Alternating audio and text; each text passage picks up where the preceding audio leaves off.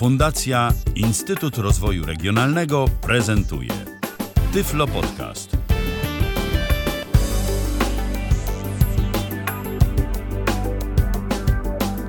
Dzień dobry, dzień dobry. Dzisiaj 54. audycja Tyflo Przegląd. Dzisiaj znowu ja wracam do prowadzenia, czyli Tomek Bilecki. E, przypomnę tylko, że jest 15 września, jeśli dobrze pamiętam. Dobrze A pamiętasz. wraz ze mną w studiu jest e, Michał Dziwisz, Robert Dzień dobry. Łabęcki, e, jest Michał, Dzień dobry. Jest Mikołaj Hołysz, będzie Paweł Masarczyk, ale się chwileczkę chyba spóźni. I tyle. Chyba nie ma dzisiaj Kasi i nie ma dzisiaj, zdaje się, Piotrka. Nie ma. Dzisiaj oprócz tego, No, że Piotrka jest audycja Tyflo Przeglądu, to jest jeszcze e, konferencja Apple'a, która jest notabene transmitowana online. I żeby nie było, że ci, którzy wolą słuchać Tyflo Przeglądu są stratni, albo ci, którzy e, mają jakieś dylematy, to czy Tyflo Przegląd, czy e, audycja, czy konferencja Apple'a, no to tutaj Mikołaj będzie nam co jakiś czas mówił, co się na tej y, konferencji dzieje, bo tam stara się śledzić, co, się, co tam się w tej chwili odbywa na, na konferencji aplowskiej. I ta konferencja już się zdaje się zaczęła i Mikołaj chyba już masz dla nas jakieś informacje, ale zanim będą informacje, to jeszcze Robert powiedz, co dzisiaj w ogóle będzie się w Tyflo Przeglądzie działo, także planowo. W tym tygodniu w Tyflo Przeglądzie Paul sprowadza nowe okulary z przewodnictwem kostnym. Propozycja konfiguracji pokrętła na iOS. Aplikacja Voice płatna. Powstał serwer Discorda dla osób zajmujących się tworzeniem gier audio. JAWS 2021 beta wprowadza własnego asystenta głosowego. Będzie o ciekawych opaskach od Apple. Uwaga na najnowszą aktualizację aplikacji tygodnika nie w systemie iOS. Microsoft wprowadza Seeing AI do Turcji w bardzo ciekawy sposób. Wayband, kolejna bransoletka z wibracjami. Będzie o ciekawych badaniach na temat odbioru dźwięku przez osoby niewidome. Accessible 2048 nowy sposób na zabicie czasu przez użytkowników iOS. Chrome 85 i zmiany dostępności. Kaufland wprowadza zakupy przez internet. Koniec usługi e-skrzynka. Maseczka z przewodzeniem kostnym? Możliwe, że Amazon w Polsce w tym roku. E, Tak wyglądają dzisiaj tematy z Tyflo Przeglądu. Coś pewnie jeszcze pojawi się nowego, na przykład informacja o tym, że Revolut wprowadza stronę internetową i można się tam podobno jakoś tam logować. Ale zanim tematy na Tyflo Przegląd, no to właśnie konferencja Apple'a, czyli to, co y, podejrzewam wielu słuchaczy interesuje i co się na niej dzieje. Tak, y, zacznijmy może od tego, co w kwestii naszej, kwestii Tyflo Przeglądu najistotniejsze, bo przez to, że konferencja, no COVID wiadomo, odbywa się online, y, jest to po prostu nagrane i, i transmitowane, jakby transmitowane poniekąd na żywo, ale, ale przygotowane z tego co wiem gdzieś wcześniej y, i po prostu puszczane skądś tam. Ale właśnie, właśnie z tego powodu można było przygotować audiodeskrypcję. I jest, jest oczywiście w języku angielskim, ale mamy do wyboru yy, jako jedną z ścieżek językowych ścieżkę, ścieżkę audiodeskrypcji. Więc to z perspektywy dostępności jest na pewno, na pewno fajny news. Yy, Ale co na samej konferencji? Y, Tak naprawdę, y, konferencja się zaczęła o 19, więc, więc już, y, już trochę się dowiedzieliśmy. Apple będzie się skupiał na, na dwóch produktach, na Apple Watchu i na iPadzie. Event właściwie, bo konferencja jest wtedy, gdy, gdy występują jacyś jeszcze inni, inni ludzie z zewnątrz, a to jest właściwie, to jest właściwie event. Y, Będą, będą się skupiać na Apple Watchu i na iPadzie. Na razie mówiono o Apple Watch. Yy, Co, co mamy? Mamy serię szóstą, czyli yy, na, czyli no po prostu kolejną, kolejną generację Apple Watcha. Yy, Jakiś lepszy dwurdzeniowy procesor o 20% szybszy, yy, nowy czujnik yy, natlenienia krwi i pojawiły się jakieś sugestie, że może on pomóc w diagnostyce grypy i koronawirusa. Flexible, elastyczne opaski czyli takie po prostu, które nie będą miały już zapinania, takie, że rozpinamy, zapinamy, tylko po prostu nasuwamy siłą po prostu na rękę i i one się rozciągną tak, że my będziemy w stanie przesunąć nadgarstek.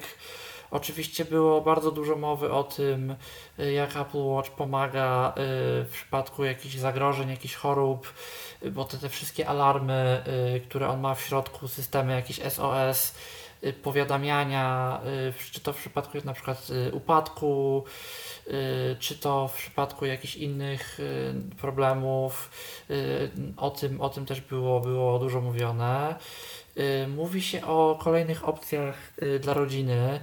Y, czyli jesteśmy w tym momencie w stanie y, parować Apple Watch y, dla naszych dzieci, jeżeli one nie posiadają własnych iPhone'ów. Z zastrzeżeniem, że A musi być to model cellular, czyli posiadający, posiadający tę łączność komórkową w sobie. Nie wiem szczerze mówiąc, czy te modele są w Polsce. Wydaje mi się, że są bo, bo Orange yy, i chyba jeszcze któryś operator ma te, te karty eSIM, ale, ale pewien szczerze mówiąc nie jestem, musiałem to zweryfikować, bo, bo ta funkcja na razie będzie tylko w takich modelach dostępna. Dlaczego?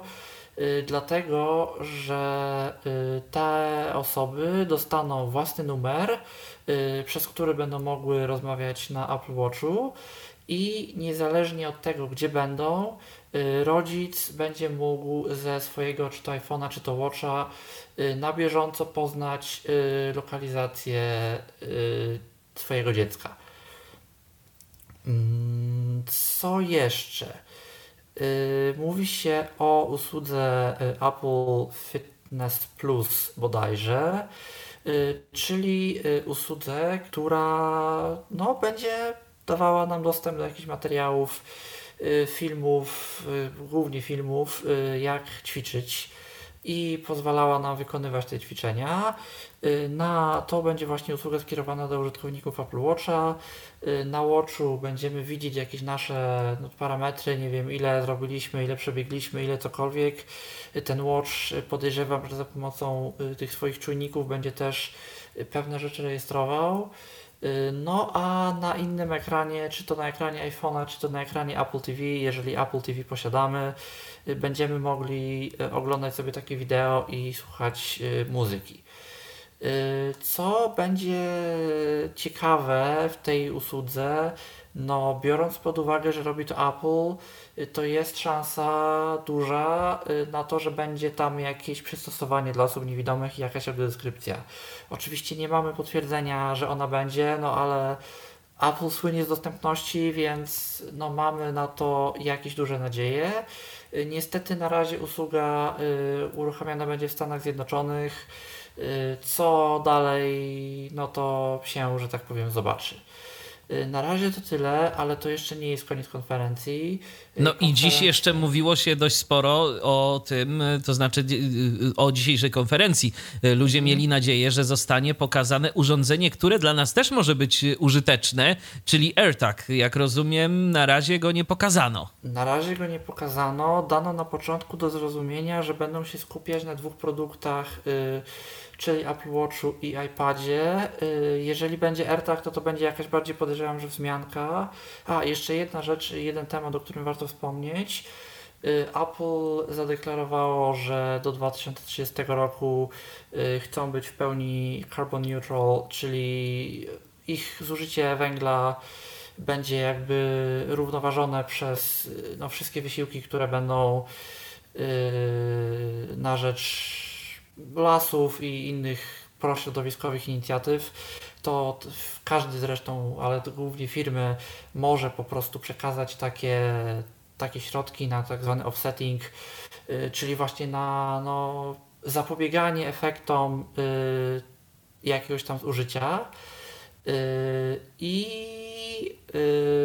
też właśnie w ramach walki z jakimś tam zużyciem środowiska, najnowsze urządzenia yy, Apple Watch i najprawdopodobniej inne także, ale no tego, tego jeszcze nie wiemy, nie będą zawierały w opakowaniach adaptera USB, czyli tej części, którą my wkładamy do gniazdka i do której my wkładamy kabel, bo Apple wychodzi z założenia, że większość osób już takie urządzenie w domu ma i to jest po prostu no, niepotrzebne walanie się niepotrzebnych części Y, które y, nie są do niczego nam przydatne. No a jeżeli y, komuś będzie takie urządzenie potrzebne, powiedzmy, nie wiem, to jest jego pierwsze urządzenie i nie ma, no to po prostu kupi je, kupi je osobno. I porównano, wyliczono gdzieś, że to, że tych urządzeń nie będzie, to jakby wpływ tych urządzeń w Apple Watchach na środowisko był równoważny wpływowi 50 tysięcy samochodów przez rok. Więc no jest to dość sporo i faktycznie Apple y, mówi tutaj o, o, tym, że, o tym, że zostanie to teraz wyeliminowane. To oczywiście nie koniec konferencji, y, konferencja nadal trwa, y, będą kolejne newsy, będą kolejne wieści. To będę o tychże wieściach informował, bo staram się tutaj y, trzymać rękę na pulsie i, i konferencję śledzić. A mi zawsze tych przejściówek właśnie z USB y, na zwykłe elektryczne gniazdko to przeważnie brakuje. Ale może to jest jakaś motywacja, żeby sobie po prostu kupić jakąś sensowną ładowarkę y, i za pomocą jednej ładowarki ładować ileś urządzeń, a nie bawić się z kablami. Zwłaszcza, że może to też gdzieś ku bezprzewodowemu ładowaniu iść bo już coraz więcej jest takich plotek, że tak naprawdę będzie się dążyło ku eliminacji portu jakiegokolwiek z iPhone'a. No tak, o tym się już mówi od jakiegoś czasu i to w ogóle może być, y, no, rewolucja. Co niewidomych trochę, myślę, by zmartwiło. Y, inaczej, ja jestem w stanie uwierzyć, że Apple to zrobi, bo Apple słynie z tego, że jako pierwszy gdzie nikt się tego nie spodziewa, eliminuje czy to jacka, czy to gniazdo dyskietek, czy to stację dysków, czy to gniazdo Ethernet. Mnóstwo w historii Apple było takich przypadków. A z drugiej strony yy, myślę, że może to właśnie osoby niewidome trochę zmartwić, bo no my mimo wszystko używamy bardzo często transferu plików przez iTunes. Ja do... myślę, Mikołaju, że nie tylko osoby niewidome, ale w ogóle osoby, które do iPhone'a y, czy na przykład do iPada dopinają różnego rodzaju urządzenia. I myślę, że zanim Apple zdecyduje się na pozbycie się y, gniazda Lightning, to będą musieli opracować jakiś protokół komunikacyjny, który pozwoli na podłączanie urządzeń zewnętrznych, być może właśnie jakąś metodą bezprzewodową. No bo w tym Aha. momencie jest tak, jednak tak, trochę dużo, tych różnych urządzeń profesjonaliści, którzy Dokładnie. wszystko korzystają z tego iPhone'a do różnych profesjonalnych celów, no muszą mieć, muszą mieć takie, takie coś. Tak, bo za, pomocą, bo za pomocą przejściówki Lightning USB to naprawdę można sporo różnych rzeczy podpiąć i tak naprawdę, co jest w ogóle ciekawostką absolutną, nikt nie wie, co dokładnie iPhone rozpozna. Że to jest zawsze taka loteria, że sobie można popróbować, bo na przykład może rozpoznać jedną kartę dźwiękową, a innej na przykład może nie rozpoznać, bo powiedzmy za dużo prądu będzie od niego wymagała, albo na przykład może rozpoznać jeden dysk twardy, jakiegoś jakiegoś pendrive'a, a innego zupełnie może nie rozpoznać. Więc to jest po prostu loteria. Jak się człowiek zaopatrzy w taką przejściówkę, to potem może swoje wszystkie urządzenia USB podpinać i sprawdzać, czy coś iPhone rozpozna i część, co ciekawe, rozpozna. Podejrzewam, że oni będą po prostu tutaj chcieli, jak zwykle zresztą, iść w kierunku panie, implementujcie rozwiązania bezprzewodowe i, i, tyle. I absolutnie nie mam nic przeciwko temu, tylko niech właśnie najpierw coś takiego opracują, zanim zakleją nam tego Lightninga. No jest na to nadzieja, no bo jednak Apple stara się mimo wszystko mm, mm, no mieć jakieś takie, mm, no robić jakieś tego, tego typu rzeczy, ale no zobaczymy jak to będzie mm, wyglądało w praktyce, to w takim razie co? Przechodzimy już do. Pawła e, swoją tematów. drogą już mamy na linii. To jest y, pierwsza Aha. rzecz. Y, witamy Witajcie. Cię, witamy Cię, Pawle. Y, troszeczkę możesz przyciszyć sobie dźwięk. Natomiast jeszcze witamy naszych słuchaczy, którzy się również z nami witają. Jest Krzysztof i drugi Krzysztof, jest Kacper, który również nam tu dzień dobry pisze. No a ja przypominam, że możecie się się z nami kontaktować. Na Facebooku to ja tu obserwuję, a na kontakt.tyflopodcast.net obserwuje Tomek. No Tak i jest, jeszcze, i jest jeszcze Zoom. Przez, tak, tak, jest jeszcze Zoom, tyflopodcast.net, ukośnik Zoom, tu możecie do nas zadzwonić. Jak wam wyskoczy pytanie, którego się nie spodziewacie, to tak jeszcze tylko dodam, to należy udzielić odpowiedzi twierdzącej najlepiej. Czyli allow. Dokładnie. Chodzi o to, że jak macie wyciszony mikrofon, to żebyśmy my mogli wam ten mikrofon y, odciszyć. odciszyć i w ten sposób nie trzeba będzie mm, jakby samemu mm, tego robić. Chyba, że oczywiście ktoś chce, woli zrobić to w inny sposób. Owszem. E, no dobrze, to w takim razie zaczynamy od y, tematu, który już się u nas przewinął jakiś czas temu, czyli od przewodnictwa kostnego. W ogóle o przewodnictwie kostnym dzisiaj będzie jeszcze jeden temat co najmniej, bo Bose Frames, mówiliśmy o tych okularach w kontekście, y, w kontekście chociażby nawet orientacji przestrzennej i Bose zrobił, stworzył nową wersję tych okularów. Tak, y, pozwólcie też, że ja sobie, o, tutaj otworzę moje notatki, bo tutaj trochę tych informacji jest. Mamy trzy modele tychże urządzeń. Jest to takie designerskie, stylowe tenor i soprano i sportowe tempo. Cena tych urządzeń jest taka sama, jest to 249 bodajże dolarów. Y, czyli myślę, że około 1000 zł y, będzie na polskie to kosztować. Y, co zresztą z tego co wiem, bardzo podobnie kosztowało w przyszłości. I teraz tak, wersje designerskie podobno wyglądają znacznie bardziej stylowo i znacznie ładniej od wersji tych poprzednich, tej, tej pierwszej wersji, która już na rynku jest. I że przynajmniej jeżeli się patrzy na to z przodu, Y, to no nie zauważy się, że z tymi okularami jest coś nie tak i że one y, mają jakieś, że tak powiem, udziwnienie. Y, ale no jeżeli się gdzieś tam przyjrzy tym oprawkom z boku, to one są podobno mimo wszystko no, grubsze niż, niż zwykłe oprawki okularowe, bo wiadomo, no, w nich musi być głośniczek, więc, no, więc to musi, musi trochę mieć. 50 y, gramów y, dodają do, do całej wagi okularów, dodaje podobno ta elektronika, więc też nie jest to jakaś y, tragedia.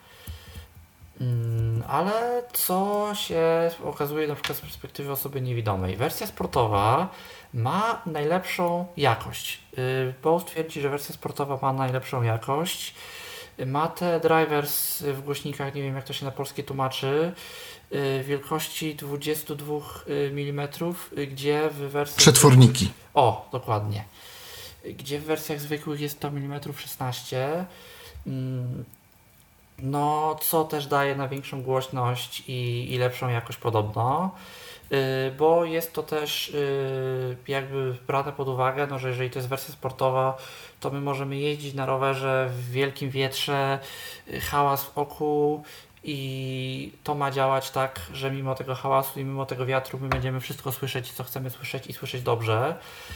Yy, ponadto tempo na baterii, czyli ta właśnie wersja sportowa, będzie wytrzymywać godzin 8, pozostałe będą na niej wytrzymywać godzin 5,5. Yy, poprawione mamy basy, bo to wiadomo w urządzeniach dokostnych yy, bywa, bywa z tym różnie. Tempo ma wodoodporność IPX4, pozostałe mają wodoodporność IPX2, czyli, no, czyli mniejszą. Yy, wszystkie modele mają lepsze mikrofony i te mikrofony mają na celu wycinanie po pierwsze wiatru, po drugie jakichś okolicznych konwersacji innych ludzi, yy, które może nie do końca powinny być słyszalne dla naszego rozmówcy. Yy, I mamy coś takiego Y, co się nazywa Volume Optimized EQ. O co chodzi? Y, no, firma utrzymuje, że w tych urządzeniach y, normalnie może się zdarzyć coś takiego, że w zależności od głośności, tak naprawdę różne częstotliwości się w różny sposób gdzieś tam będą przebijać i powiedzmy może być tak, że jeżeli będzie cicho, a będzie głośno, to ten dźwięk będzie trochę, trochę gdzieś tam inny i ta technologia właśnie sprawia, że, że to jest korygowane. Y, urządzenie wie, jaką mamy obecnie głośność używaną i y, do tej głośności nam skoryguje to, jak odtwarzać ten dźwięk, y, co trochę ściszyć, co trochę zgłośnić, żeby to po prostu no, na każdej głośności brzmiało tak samo i na każdej głośności brzmiało dobrze. Yy, A czy to, przy, no, to, to nie jest przypadkiem tak, bo ja sobie pozwoliłem też skorzystać z tej notatki twojej. Z tego linku. Hmm. Czy to nie jest tak, że ten, e, e, czy to nie jest tak, że po prostu tam wstawiono equalizer, tak, tak. jak w Aeropexach tak, tak, tak. i będzie można z tego korzystać? Zależne od głośności, że on się sam e, reguluje, e, jakby to, te swoje ustawienia, no w zależności od tego, jaka jest głośność i co przy danej głośności powinno być według nich, według niego gdzieś tam zrobione. No, Już się boję, ale może dobre. No, nie wiem, ja nie testowałem, ja tego nie widziałem. Ja yy, też to, nie. To weszło dopiero na rynek gdzieś tam parę dni temu, czy nawet zostało zapowiedziane. Nie wiem, czy to już jest w ogóle yy, do kupienia. No, jak ktoś się tym pobawi, to może jakieś wrażenia, coś będzie na ten temat w stanie powiedzieć. No, w Warszawie jest sklep Bossa. Jeżeli te okulary będą w polskiej dystrybucji, ja się bardzo chętnie przejdę do tego sklepu. Widziałem y, wersję pierwszą i będę mógł przetestować w takim razie i porównać drugą wersję. Tą A gdzie jest sklep Bossa? No, Boże, nie pamiętam, czy w którymś chyba centrum handlowym, czy w Arkadii, czy gdzie, już nie pamiętam, w Złotych Tarasach. Tymczasem pojawiło się Tymczasem... pytanie od y, Krzysztofa. Y, Krzysztof y, chciałby się dowiedzieć, co to jest za urządzenie, o którym wspominałem i które ma być prezentowane dziś na konferencji Apple. No zobaczymy, czy w ogóle zostanie zaprezentowane, bo o tym się mówiło, że ono ma zostać zaprezentowane, ale czy tak się stanie, to pokażę najbliższych kilkadziesiąt minut. A ja mówiłem o urządzeniu AirTag, o którym już się mówi od jakiegoś czasu, że Apple ma je wprowadzić do oferty. Y, I to ma być lokalizator, czyli coś, co y, już jest y, znane, bo inne firmy mają również coś takiego w swojej ofercie. To będzie niewielkie urządzenie przypinane do czegoś, na przykład do kluczy.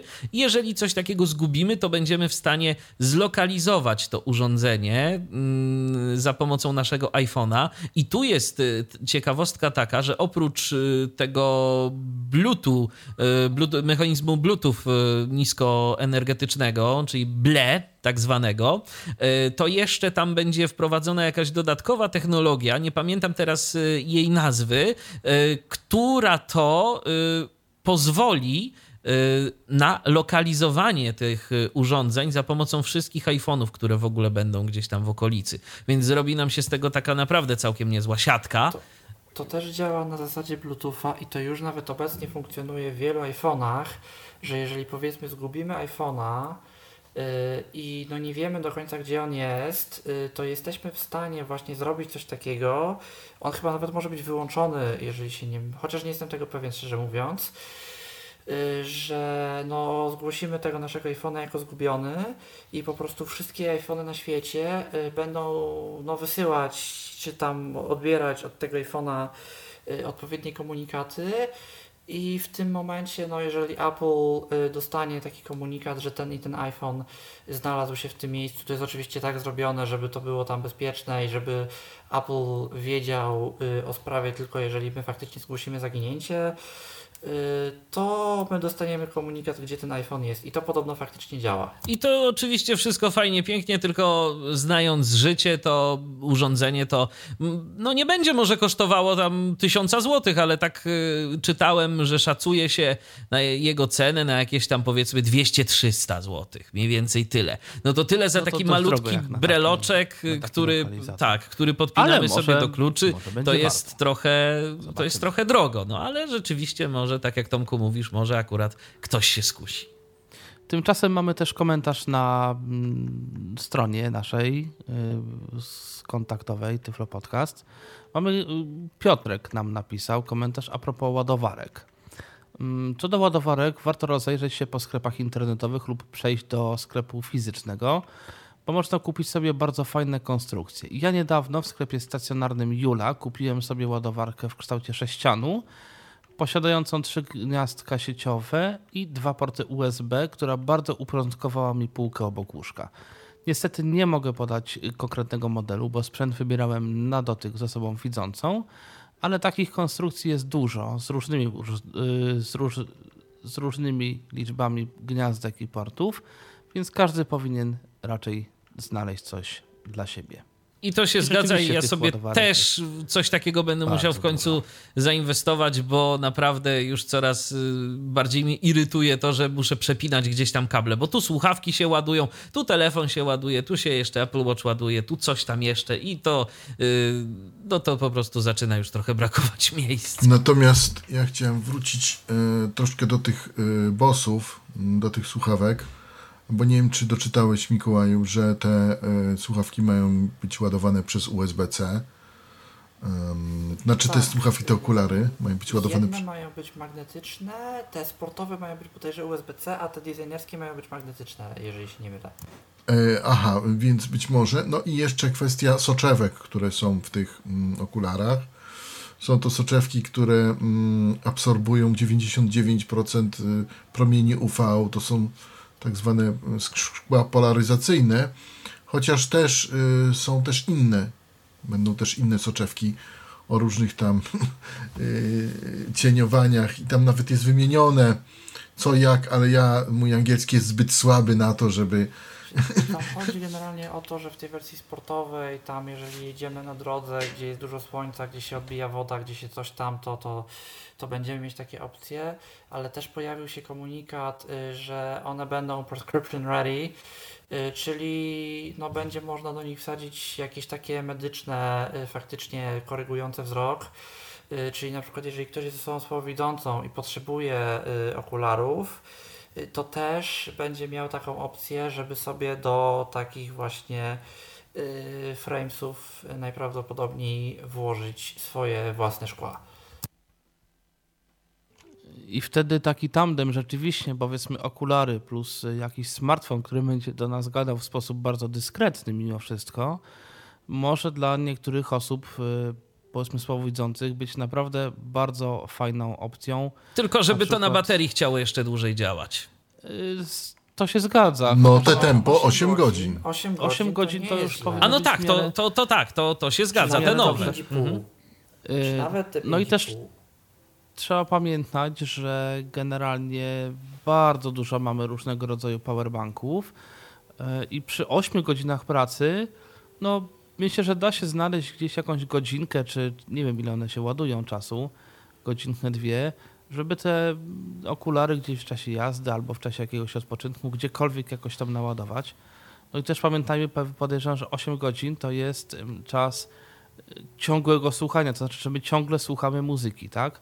E, jakkolwiek voiceover no dość często w tych okularach podejrzewam będzie mówił, e, to podejrzewam, że voiceover albo talkback, albo nie wiem, komentary, wszystko jedno. w każdym razie, no tak czy tak, jest szansa, że no, ten sprzęt potrzeba nam troszeczkę dłużej, o ile nie będziemy słuchali na nim ciągle jakiejś muzyki. Ale... E... Mhm. Nie, dobra, dokończ, dokończ, bo mam kolejną Nie, chciałbym przejść do, do, do tematu.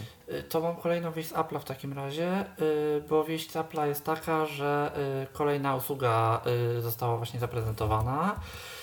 Usługa nazywa się Apple One i jest to taki pakiet wszystkiego w jednym, jeżeli chodzi o Apple'a. No, na razie ceny znamy amerykańskie, y, nie wiemy czy i jak to będzie kosztować w Polsce.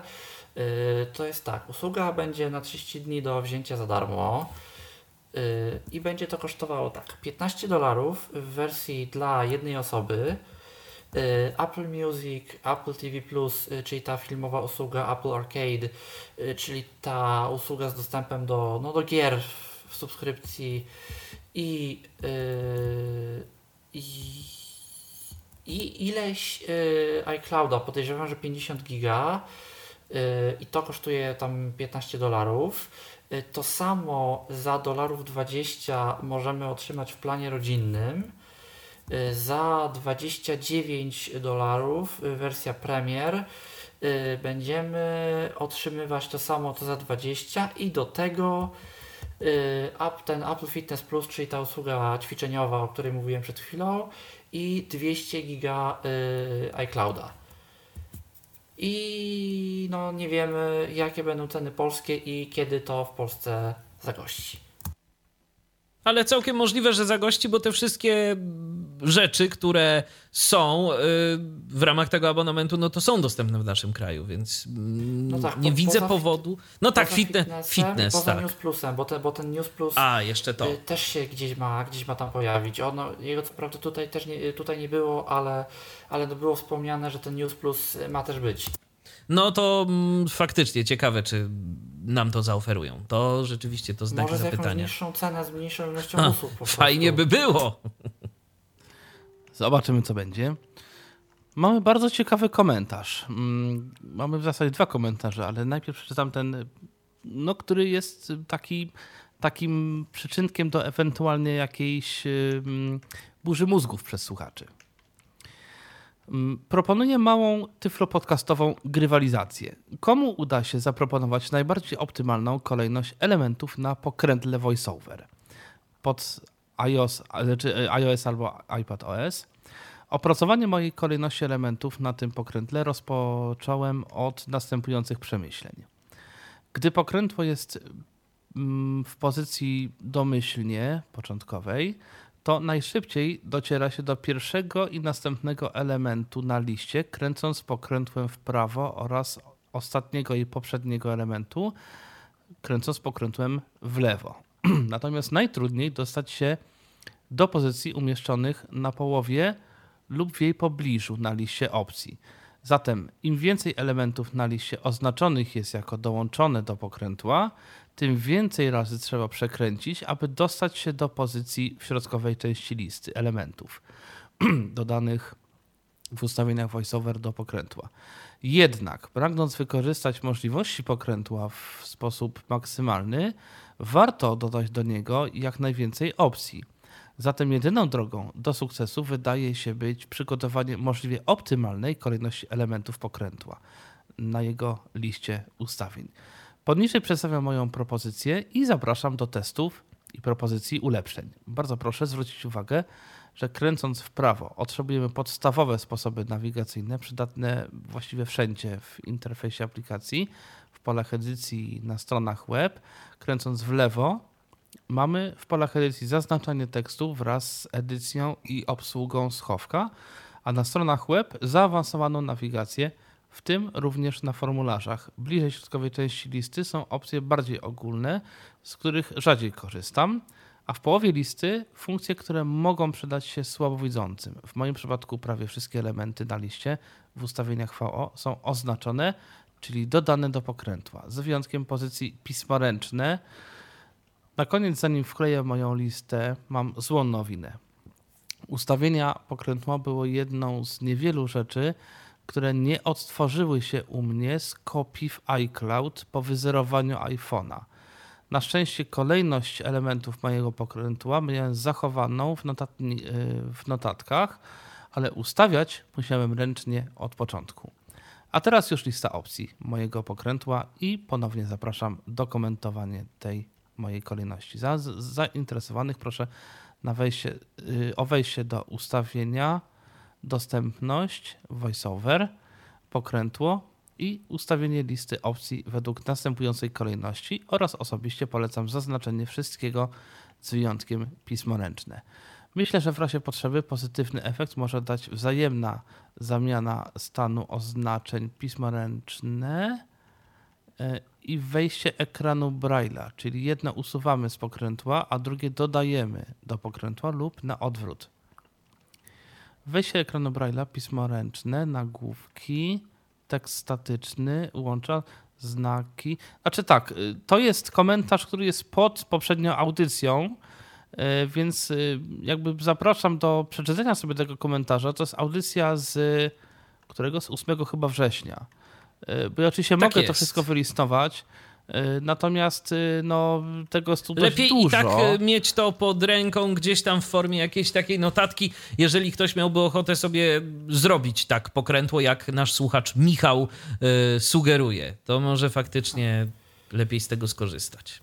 jak już mówimy na, o pokrętle i o iOSie, to ja też takich kilka porad, y, o których y, nie wszyscy wiedzą. O jednej ja też nie, do niedawna bardzo nie wiedziałem, a warto y, o nich wiedzieć. Pierwsza rzecz, mamy w iOSie dwa gesty, które nie są do niczego używane domyślnie. I no, to jest tak naprawdę marnowanie fajnych gestów, które my sobie możemy do czegoś przypisać. Y, mowa mianowicie o gestach y, przesunięcia dwoma palcami w lewo i przesunięcie dwoma palcami w prawo. Y, no bo te gesty są, iOS je wspiera, ale VoiceOver nie używa ich do niczego. Ja sobie, szczerze mówiąc, przypisałem te gesty do polecenia poprzedni, następny nagłówek. Yy, I w tym momencie kategorię nagłówki w ogóle wyrzuciłem z pokrętła, nie jest mi ona już w tym momencie do niczego potrzebna, bo jeżeli chcę skakać po nagłówkach, robię to po prostu intuicyjnie yy, gestem, nie muszę już szukać gdzieś tam na pokrętle, jest to znacznie, znacznie, znacznie szybsze. Yy, druga taka porada, też właśnie dotycząca gestów. Jest gest, który myślę, że dla wielu osób jest dość bezużytecznym gestem. Mowa mianowicie o geście przesunięcie dwoma palcami w górę, bo ten gest zaczyna czytanie, no czytaj wszystko, ale nie od bieżącego elementu, czyli od góry. I tak naprawdę ten gest można trywialnie wykonać dwoma gestami, dotykając czterema palcami u góry ekranu, przechodząc na początek i zaczynając i wykonując czytaj wszystko dwoma palcami w dół. I ten gest też sobie można do czegoś przypisać, ja sobie go na przykład przypisałem do polecenia przejść na pasek statusu. I no wiadomo, pasek statusu nie zawsze jest łatwo gdzieś tam znaleźć na tej górze. Y, czasami nam się gdzieś palec omsknie i nie trafimy tam, gdzie chcemy, y, więc my sobie po prostu możemy w ten sposób y, przejść do paska statusu i się po nim poruszać gestami, gestami lewo-prawo. Trzecia taka porada, o której też warto wspomnieć, jest na pokrętle do włączenia taka opcja i też myślę, że czasami warto sobie ją włączyć. Y, opcja nazywa się nawigacja pionowa. Do czego ona służy? No, jak sama nazwa wskazuje, pozwala ona nam nawigować po ekranie w pionie, czyli powiedzmy mamy trzy kolumny, względnie cztery. Dobry przykład, na przykład ekran początkowy i ustawimy się na pierwszej aplikacji w pierwszej kolumnie. No to y, bez tej opcji, jeżeli chcemy poruszać się po ekranie y, początkowym kolumnami, musimy albo robić to no, za pomocą eksploracji, eksploracji dotyku, albo poruszać się w prawo, w prawo, w prawo, przejedziemy cały wiersz i dopiero zaczynamy czytać drugą, drugi wiersz i pierwszą kolumnę. A z opcją nawigacja pionowa po prostu ustawiamy się na powiedzmy ikonce, Yy, przekręcamy pokrętłem do, do nawigacji pionowej, góra-dół się, się tam poruszamy po tym, po czym trzeba. Yy, też o w grze, o której będę mówił dziś później, czyli w 2048, yy, która się ostatnio na iPhone ukazała. Jest to też opcja bardzo przydatna, jeżeli chcemy się poruszać po kolumnach planszy. Więc no, jest, parę, jest parę, też parę takich aplikacji, gdzie na przykład jeden element może się składać z kilku elementów, że mamy, nie wiem, mm, kontakt w prawo, zadzwoń w prawo, wyślij wiadomość w prawo, kontakt w prawo, zadzwoń. że niektóre sklepy internetowe mogą mieć coś takiego typu, na przykład nazwa produktu, cena, y, z, dodaj do koszyka, pole edycji ile razy, przycisk zmniejsz ilość w koszyku, przycisk zwiększ ilość w koszyku i następny element, który jest poniżej tego poprzedniego. Tak. I zamiast sześć klików, flików, Robimy robić jeden. jeden. Tak, tak, tak. Niestety na Allegro na przykład to nie działa za fajnie, bo y, on też ma tak skonstruowany ekran, y, ale on po prostu nie do końca zawsze wie, do czego on ma przenieść i czasami na przykład nie przeniesie nam z nazwy na nazwę, tylko z nazwy na cenę. Ale myślę, że w wielu aplikacjach no, może to działać. Y, No i wszelkiego rodzaju, nie wiem, jakieś arkusze kalkulacyjne, jakieś tego typu rzeczy, gdzie rzeczywiście ten układ tabeli jest dość ważny. W ogóle tabele na stronie podejrzewam to też. Na stronie w ogóle, jeżeli mamy tabelę, y, to nam się pojawia y, opcja rows. Y, nie wiem jak to jest na polski przetłumaczone, bo wiersze to są, to są lines. Kolumny. Nie, nie, nie, nie, bo bo masz opcję lines, y, która po polsku jest y, wierszami, ale to są, wiesz, wiersze, linie tekstu, jakby No. linie, Aha, tak? aha. A rows to są jakby, wiesz, wiersze tabeli. Wiersze tabeli, aha. I ja się zastanawiam, czy to są wiersze i wiersze, czy to są faktycznie na przykład wiersze tabeli. No musiałbym zobaczyć, bo nie mam niestety tu pod ręką żadnej tabeli. No, mam Tak, nadzieję, że ale- wiesz, no bo czasami te wiersze są faktycznie tam. E, Widziałem takie kolumny, takie tabele, w których pojedynczy wiersz tabele, tabeli miał kilka linii, ale to był jeden wiersz O, tabeli. Tak, tak, tak. To, to, to jest na pewno inna opcja, bo po angielsku to są dwie opcje i one się y, inaczej nazywają. Więc o, to mogą być. To są na pewno dwie opcje. Nie wiem, czy one nazywają się tak samo, czy inaczej, ale to na pokrętle będą na pewno dwie opcje. Yy, w każdym razie jest, jest coś takiego też i, i się właśnie można po tych, po tych rows po tabeli poruszać yy, i on pamięta też, w której kolumnie wtedy jesteśmy. Czyli, czyli jeżeli mamy na przykład k- tabelę typu y, typ pliku, nazwa pliku, rozmiar pliku, link pobierz, y, to jak się ustawimy na kolumnie nazwa pliku, y, to możemy sobie normalnie śmiało jechać w dół y, i on będzie nam y, czytał po, po nazwie pliku. Y, Co jest na przykład bardzo przydatne we wszelkiego rodzaju gdzieś tam bibliotekach, jak mamy wielkie tabele z informacjami o książkach, y, tytuł, autor, ISBN i 15 różnych kolumn, a ja szczerze mówiąc jedną taką bibliotekę znam, która, która ma y, stronę uszegregowaną w ten sposób, no i bez tej opcji się bardzo trudno po tym nawiguje potem. No to Tymczasem- zapraszamy. Aha. Tymczasem wieści, ja oczywiście y, podaję to trochę z opóźnieniem, bo tu staram się nadrobić y, na bieżąco tweety. Y, iPad najnowszy R, tani, ma on procesor A12, czyli nie ta najnowsza generacja, tylko ta generacja wcześniej i kosztuje dolarów 299, czyli no 1200 zł nie jest to jakaś e, wysoka cena jak na, jak na iPada, jak na urządzenie w tym momencie o, o, o bardzo dużych możliwościach, y, które powoli gdzieś tam zaczyna dorastać y, do pięt komputerką. Y, I ma on Touch ID w przycisku Power, czyli no w tym przycisku, którego my używamy do odblokowania urządzenia. Y, Mamy też szczytnik linii papilarnych, więc y, no w taki sposób, w taki sposób po prostu będziemy to robić. A teraz pamiętajmy, do, ja to teraz mówię do ludzi, którzy zajmują się lub chcą zajmować się na przykład muzyką, że jest coraz więcej sprzętów muzycznych, jakichś mikserów, jakieś, jakieś no różne, różne rzeczy, sprzęty muzyczne, które coraz częściej mają aplikacje właśnie na iPada, nawet nie na iPhone'a, tylko na iPada.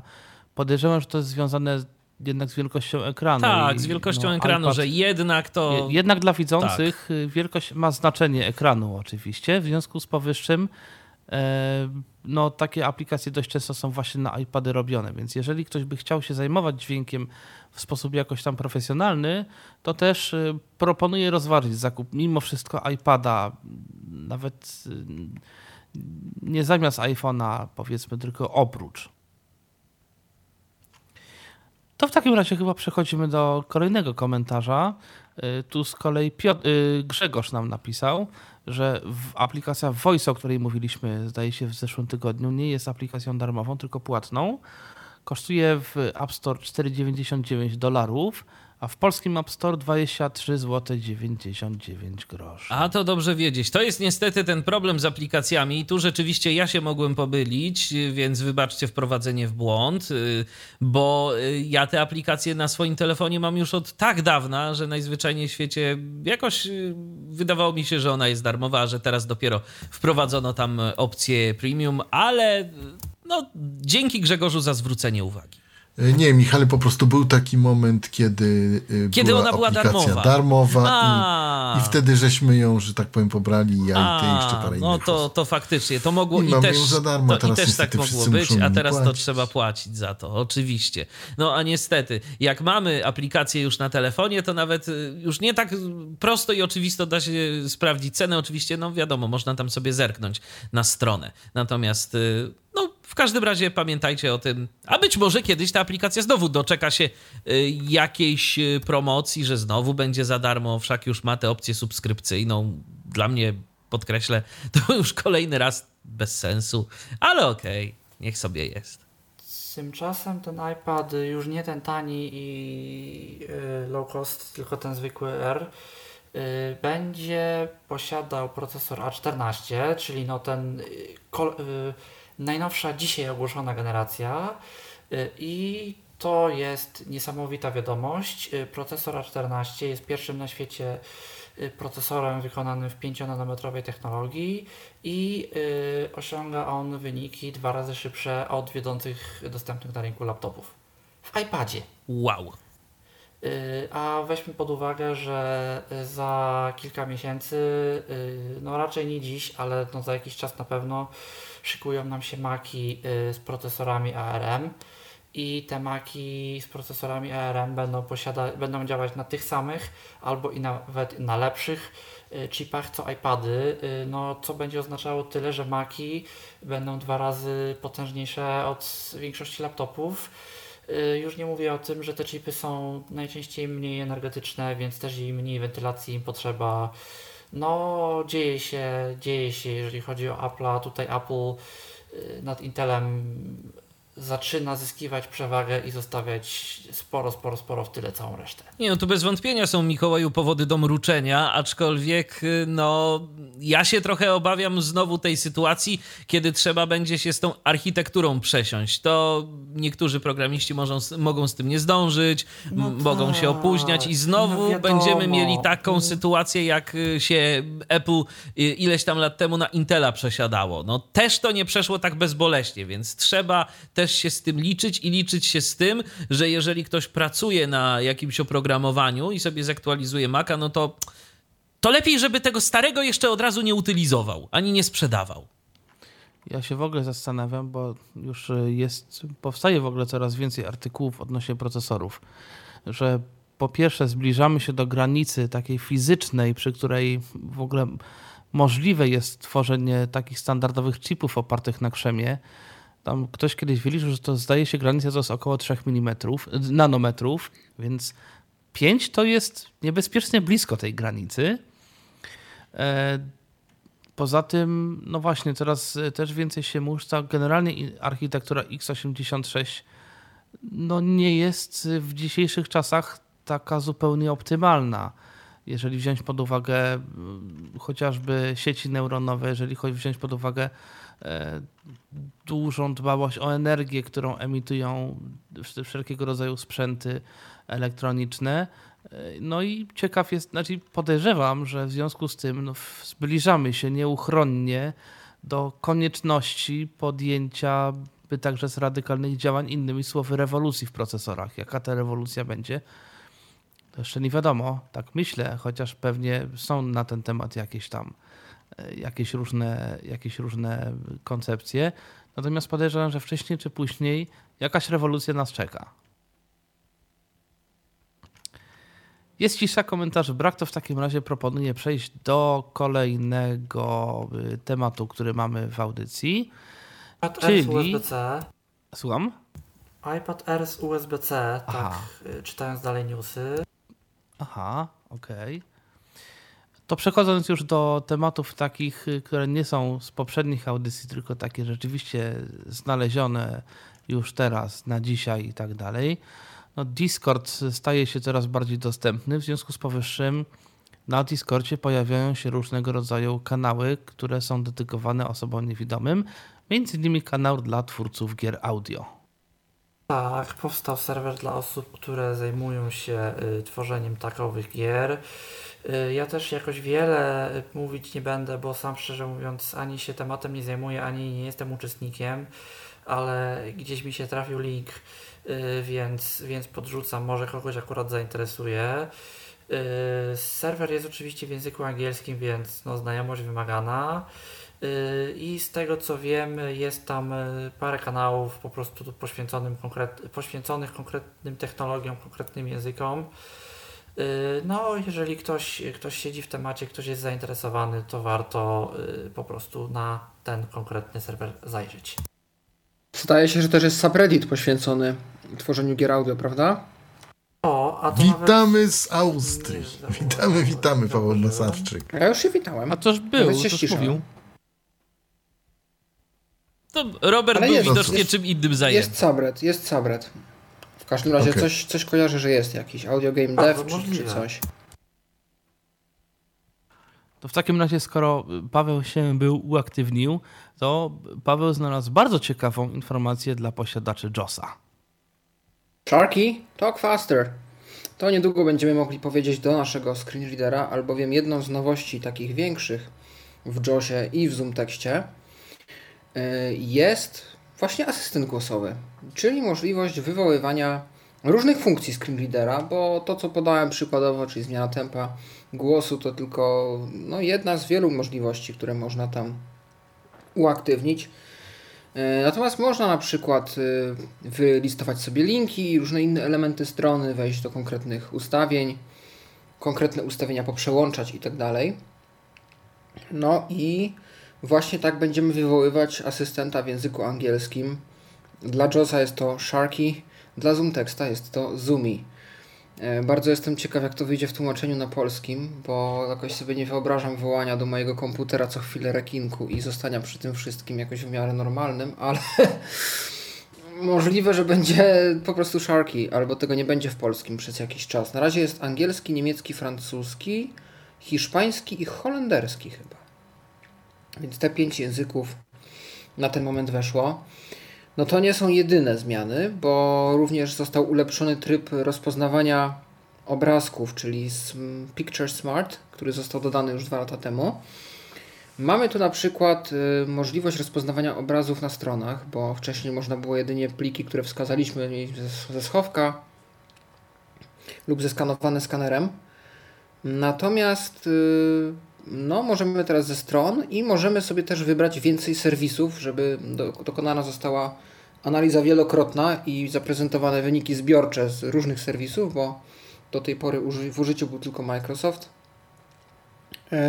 A tu możemy sobie wybrać ich więcej. Natomiast będzie też możliwość tłumaczenia maszynowego tychże wyników na wybrany język. Yy, Tych języków jest chyba z 30 parę, więc myślę, że polski też bez problemu będzie dostępny. E, Ponadto dodana została opcja przetransportowania wyniku takiego OCR-u, jeżeli to jest tekst, mm, wprost do dokumentu Word albo nowego, albo już otwartego. Mm, Usprawnienia w obsłudze Microsoft Teams. E, Nowy skrót do przełączania e, szybko poziomu interpunkcji w syntezie. Opcja odczytu ostatniego powiadomienia wygenerowanego przez Windows, tego spod Windows A. E, A także możliwość e, włączenia lub wyłączenia wszystkich komunikatów accessibility, czyli tych dostępnościowych generowanych dla screenreaderów przez Windowsa, jeżeli nas w jakiś sposób denerwują. E, Możemy przełączać, czy je chcemy, czy nie. No i nowe narzędzie diagnostyczne, które podczas jakichś y, sesji wsparcia ze strony Freedom Scientific może posłużyć do generowania potrzebnych nam raportów błędów, danych statystycznych, diagnostycznych o naszym systemie i różnych innych rzeczy, które mogą się przydać w rozwiązaniu naszego problemu.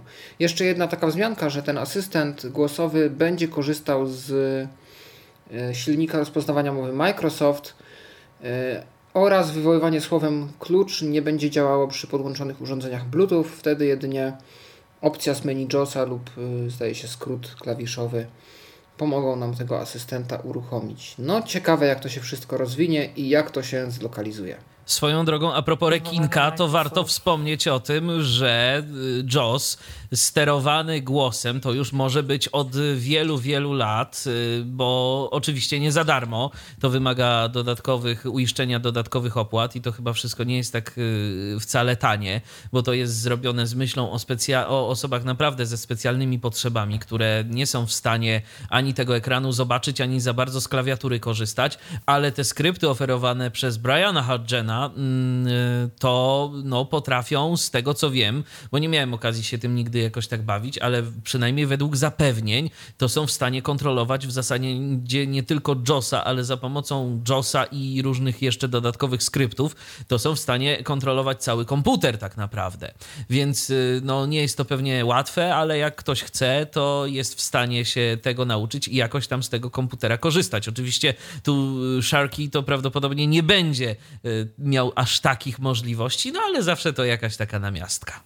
Jeżeli znaczy, Paweł ty... mówisz, że asystent rozpoznawania Microsoft, y, że silnik rozpoznawania Microsoft, to myślę, że na tłumaczenie nie ma co liczyć, bo ja z tego co wiem, to y, Microsoft w ogóle nie ma pakietu dla, dla języka polskiego. Też A o tym słyszałem i to może być jakiś problem. Tak, to prawda, szczerze powiedziawszy. Swoją drogą, y, chyba to, o czym Michale mówisz, to jest jakoś w połączeniu z Dragon Z Dragonem, Speaking, tak, z Dragonem. Który również polskiego nie wspiera, no ale jest to jednak drugi płatny program, który trzeba dokupić, czyli mamy dwa duże programy. Nie, to nie jest tania impreza, to nie jest tania Dokładnie. impreza. Dokładnie, a tak będzie w jednym i w chmurze, chociaż może to będzie offline też, bo Microsoft chyba może offline rozpoznawać. Chyba w tych językach, w których umie, no to u mnie offline, tak mi się wydaje, no ale, no ale. No ale tak czy inaczej po polsku nie umie.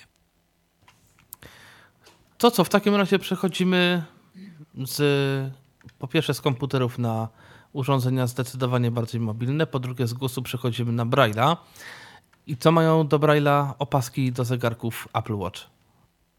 Tak, a po opaskach coś więcej o Apple'u ogólnie, y, bo Apple opatentował yy, opaski właśnie ogólnie do urządzeń ubieralnych. Tam oczywiście nie padło y, sformułowanie Apple Watch, ale no do, o, to, o to generalnie chodziło, o tego typu urządzenia. No, żeby yy, te opaski mogły yy, w pewnym sensie wyświetlać na sobie jakieś elementy w sposób, który y, będzie do odczytu przez dotyk. Y, będą to mogły być zarówno rzeczy w alfabecie Braille'a, jak i jakieś nawet kształty, litery, coś tego typu.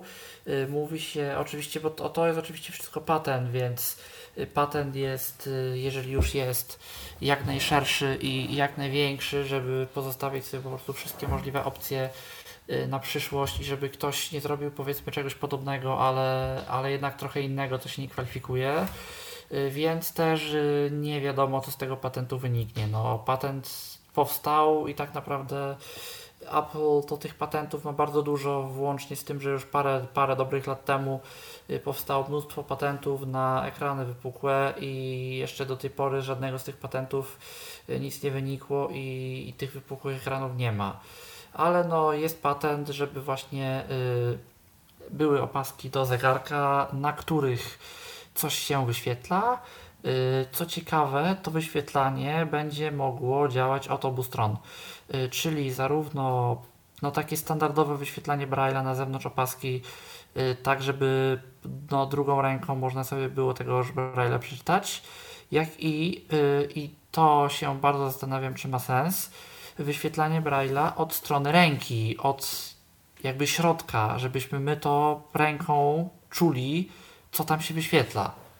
Ja sobie nie wyobrażam y, wyświetlania i odczytywania tam tekstu brajlowskiego, aczkolwiek jestem sobie w stanie wyobrazić to bardziej na zasadzie takiej informacji, że jak na przykład wyświetli ci się coś bardziej po lewej stronie, y, to jest coś, a jak bardziej po prawej, to jest jakaś inna informacja. No bo liter y, dolną częścią nadgarstka, to ja sobie nie jestem w stanie wyobrazić, że dało się wyczuwać, no ale ale na nie próbowałem, nawigacyjne, powiem szczerze. Skręć w prawo czy coś.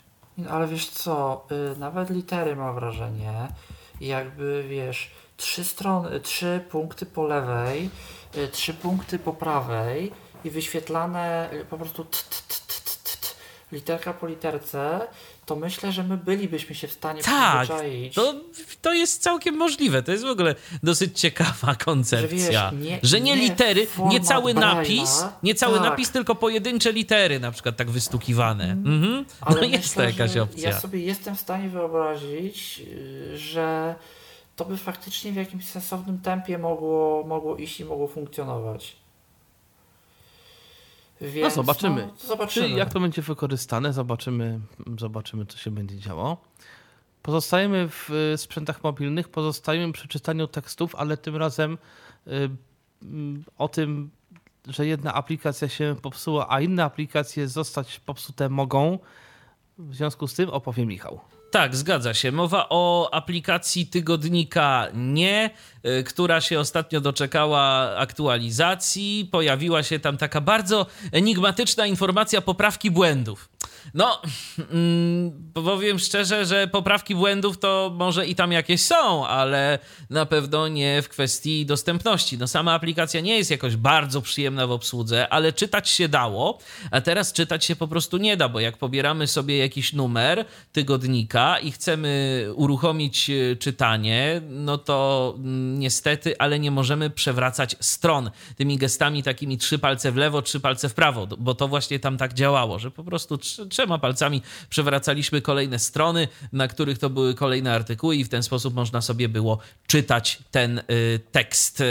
Natomiast y, problem jest taki, że to nie tylko tygodnik nie, który no, powiedzmy nie jest jakimś bardzo bardzo, bardzo poczytnym e, medium. Jest medium dość kontrowersyjnym i nie, niewiele osób może tam go gdzieś tam czyta. Ja akurat lubię, ale to są moje preferencje. E, ale e, problem jest taki, że z aplikacji tej firmy, czyli Optizen Labs, no mogą korzystać różne inne tytuły prasowe, na przykład korzysta z niej Press. E, akurat Press nie doczekał się. Press to jest taki, dla tych, którzy nie wiedzą, to jest taki miesięcznik, e, a właściwie dwumiesięcznik, bo on tam co, co dwa miesiące wychodzi. I to jest taki dwumiesięcznik dotyczący mediów, radia, telewizji, prasy. Bardzo fajny i bardzo, bardzo ciekawe artykuły tam sobie można poczytać, jeżeli kogoś to interesuje. Natomiast no, aplikacja zachowuje się tak samo, więc tu również może być problem. Ja oczywiście ten błąd zgłosiłem, no i miejmy nadzieję, że błąd zostanie poprawiony i przede wszystkim, że również nie zostanie powielony na kolejne aplikacje, które firma Optizen Labs y, tworzy dla innych, bo to wtedy może być rzeczywiście nieprzyjemne i dotknąć zdecydowanie y, większą ilość użytkowników.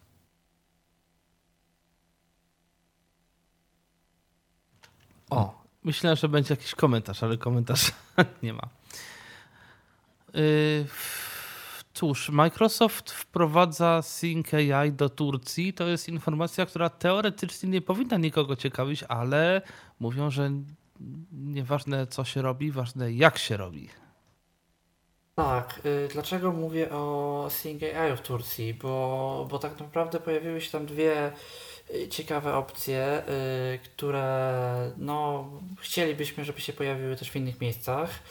Bo co zrobił Microsoft? Microsoft nawiązał porozumienie y, z kilkoma no, największymi y, jakimiś firmami tureckimi i to z różnych branż spożywczej, y, jakiejś tam takiej wyglądu, że tak powiem, osobistego, czyli wszelkiego rodzaju kosmetyków, takich rzeczy chemii domowej i, i nie tylko żeby y, te firmy udostępniły y, Microsoftowi swoje bazy kodów kreskowych z wszystkimi informacjami, no, które w tych bazach są, włącznie z rzeczami typu rozmiar, włącznie z rzeczami typu y, nawet alergiczność, powiedzmy, konkretnych produktów.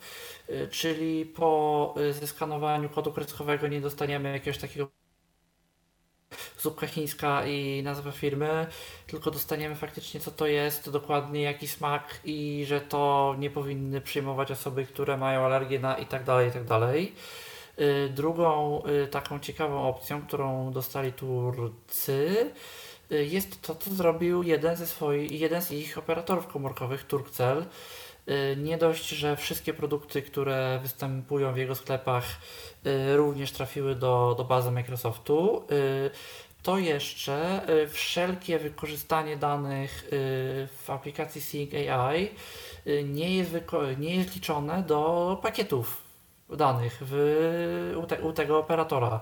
Czyli jeżeli wysyłamy jakieś, nie wiem, obrazki, dokumenty większe do skanowania czy, czy coś takiego, to po prostu operator nam nie policzy za to, za to danych, jakbyśmy, jakbyśmy nic nie wysłali.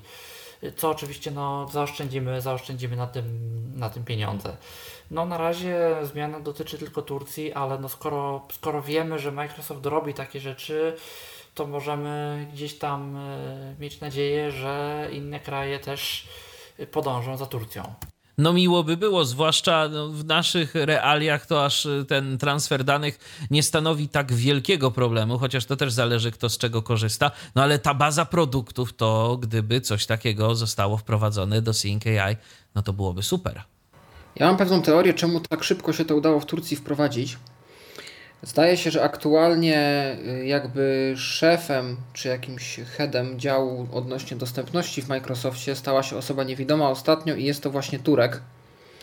Hasan, uciekło mi nazwisko, ale o ile dobrze kojarzę, chociaż tu to jest totalnie niepotwierdzone, mogę w ogóle mylić ludzi, to jest osoba, która kiedyś była bardzo, bardzo aktywna na przykład na forum Audio Games, więc jednak osoba, która sama tym żyje, coś śledzi i ogarnia temat na tyle z naszej perspektywy też nie tylko jako urzędnik służbista, ale też jako użytkownik i to taki wkręcony mocno użytkownik w różne technologiczne kwestie. Jeżeli to jest ta osoba, o której myślę, natomiast w notce, którą miałem okazję czytać a propos właśnie tej osoby, wymienione są różne jego zasługi dla społeczności niewidomych Turków, na przykład jakieś narzędzia do drukowania Braille'a, pierwsze, które powstały z jego inicjatywy, zdaje się w jakiś sposób się tam mocno przyczynił do propagowania Braille'a elektronicznego i właśnie tej, tej fuzji y, pisma Braille'a z tym co nowe, czyli z technologią. Więc możliwe, że, że dzięki temu, że, że on tam jest, to udało mu się jakoś ten wpływ na Microsoft wywrzeć. No nie wiem, czy mamy swoich przedstawicieli jakoś po stronie dostępności jakby polskich y, w Microsoftie. Może się ktoś objawi. No, Wniosek taki po prostu, polscy niewidomi zgłaszajcie się do pracy w Microsoftie. No właśnie, nigdy nie wiadomo, co z tego wyjdzie. No w takim okay, razie. Apple, Aha. bo doszedłem już do końca konferencji. Yy, I co my tu mamy? Jeszcze parę informacji dotyczących iPada. Yy, mamy yy, głośniki stereo, włącznie z głośnikami stereo działającymi w orientacji tej odwrotnej, więc nie wiem, czy tam tych głośników nie będzie troszkę więcej. Y, ten procesor A14 Bionic, y, jak sama nazwa wskazuje, będzie dwa razy szybszy y, w kwestiach związanych z tym uczeniem maszynowym, czyli no, tam jest jakiś chip po prostu wbudowany do, do tylko tych typowych zastosowań, co no, czym się kończy, to widzieliśmy ostatnio w przypadku iOS 14 i tego, że nam y, rozpoznaje aplikacje y, po prostu tak o. Y, nawet jeżeli nie są one dostępne. Tak a propos podobno y, coś na filmach y, w YouTubie jest czasami w stanie rozpoznać ta opcja, więc to jest też interesujące. Y, ale to, ale to tak mimochodem. Y, kosztuje ten nowy iPad 599 dolarów, czyli no 2,5 tysiąca złotych za iPada y, takiego to nie jest nie jest to yy, cena jakaś yy, strasznie wysoka, yy, ale największa i najważniejsza nowość, niespodziankę nam Apple zrobił. iOS 14 i wszystkie systemy tam Apple, y, WatchOS, y, tvOS będą miały premierę jutro. O proszę. Więc oficjalną premierę jutro będą miały te systemy, dostaniemy aktualizację. Można instalować, y, jeżeli ktoś nie obawia się wczesnych y, wydań, ma niektórzy, no wiem, że tak mają. Ja zwykle akurat jak już są wersje stabilne, ewentualnie jak są te wersje Golden Master, to, to, to już je sobie instaluję, raczej bet unikam. Kiedyś raz zainstalowałem betę i tego dość y, gorzko i szybko pożałowałem. E, więc y, tak z betami to jestem e, ostrożny jednak, bo mam jednego iPhone'a i to jest mój sprzęt produkcyjny, ale to, to mówię, to, to ja, ale pewnie sobie iOS-a e, jutro zainstaluję. Natomiast Mikołaju AirTaga nie ma, to jakaś kaczka była. taka dziennikarska? No, może następny event, bo może. mówi się o następnym evencie, na którym będzie iPhone i to gdzieś za miesiąc. A, no to może dopiero wtedy to pokażą. To, to, to też Więc jest to, to po prostu opcja. gdzieś tam przesunąć. Chociaż o tym AirTagu to ja już słyszę od dwóch lat. Tak, to o tym I się przed mówi. każdym eventem jest plotka, że będzie AirTag i tego AirTaga do dziś nie było. A ile razy się mówiło Siri po polsku? A no nie no, tylko Siri po polsku prędzej czy później musi nas czekać, bo no Apple zatru- zatrudniał od tego ludzi i to było chyba jakoś w tym roku i mówili, że, że około dwóch lat y, trwa taki proces y, na podstawie innych języków od momentu ogłoszenia y, operacji dla lingwistów i dla osób tego typu y, do momentu Siri wydanych w danym języku no mija mniej więcej dwa lata.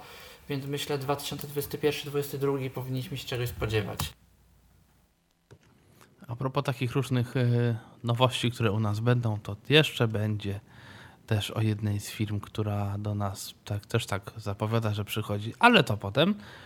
A teraz o no, kolejnym takim rozwiązaniu, y, których coraz więcej jest na rynku, bo coraz więcej jest różnego rodzaju e, właśnie jakichś bransoletek, opasek i innych takich, które nam mają ułatwić orientację przestrzenną. I Paweł znowu znalazł kolejną taką y, rzecz.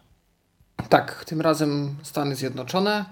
Firma WearWorks, zajmująca się właśnie designem różnego rodzaju takich gadżetów, wzięła się za projekt Wayband, czyli bransoletki, która za pomocą pa- upatentowanego e, korytarza wirtualnego jest nam w stanie podać informację, dokąd mamy iść, albo raczej gdzie nie powinniśmy iść, jak powinniśmy wrócić na właściwą drogę.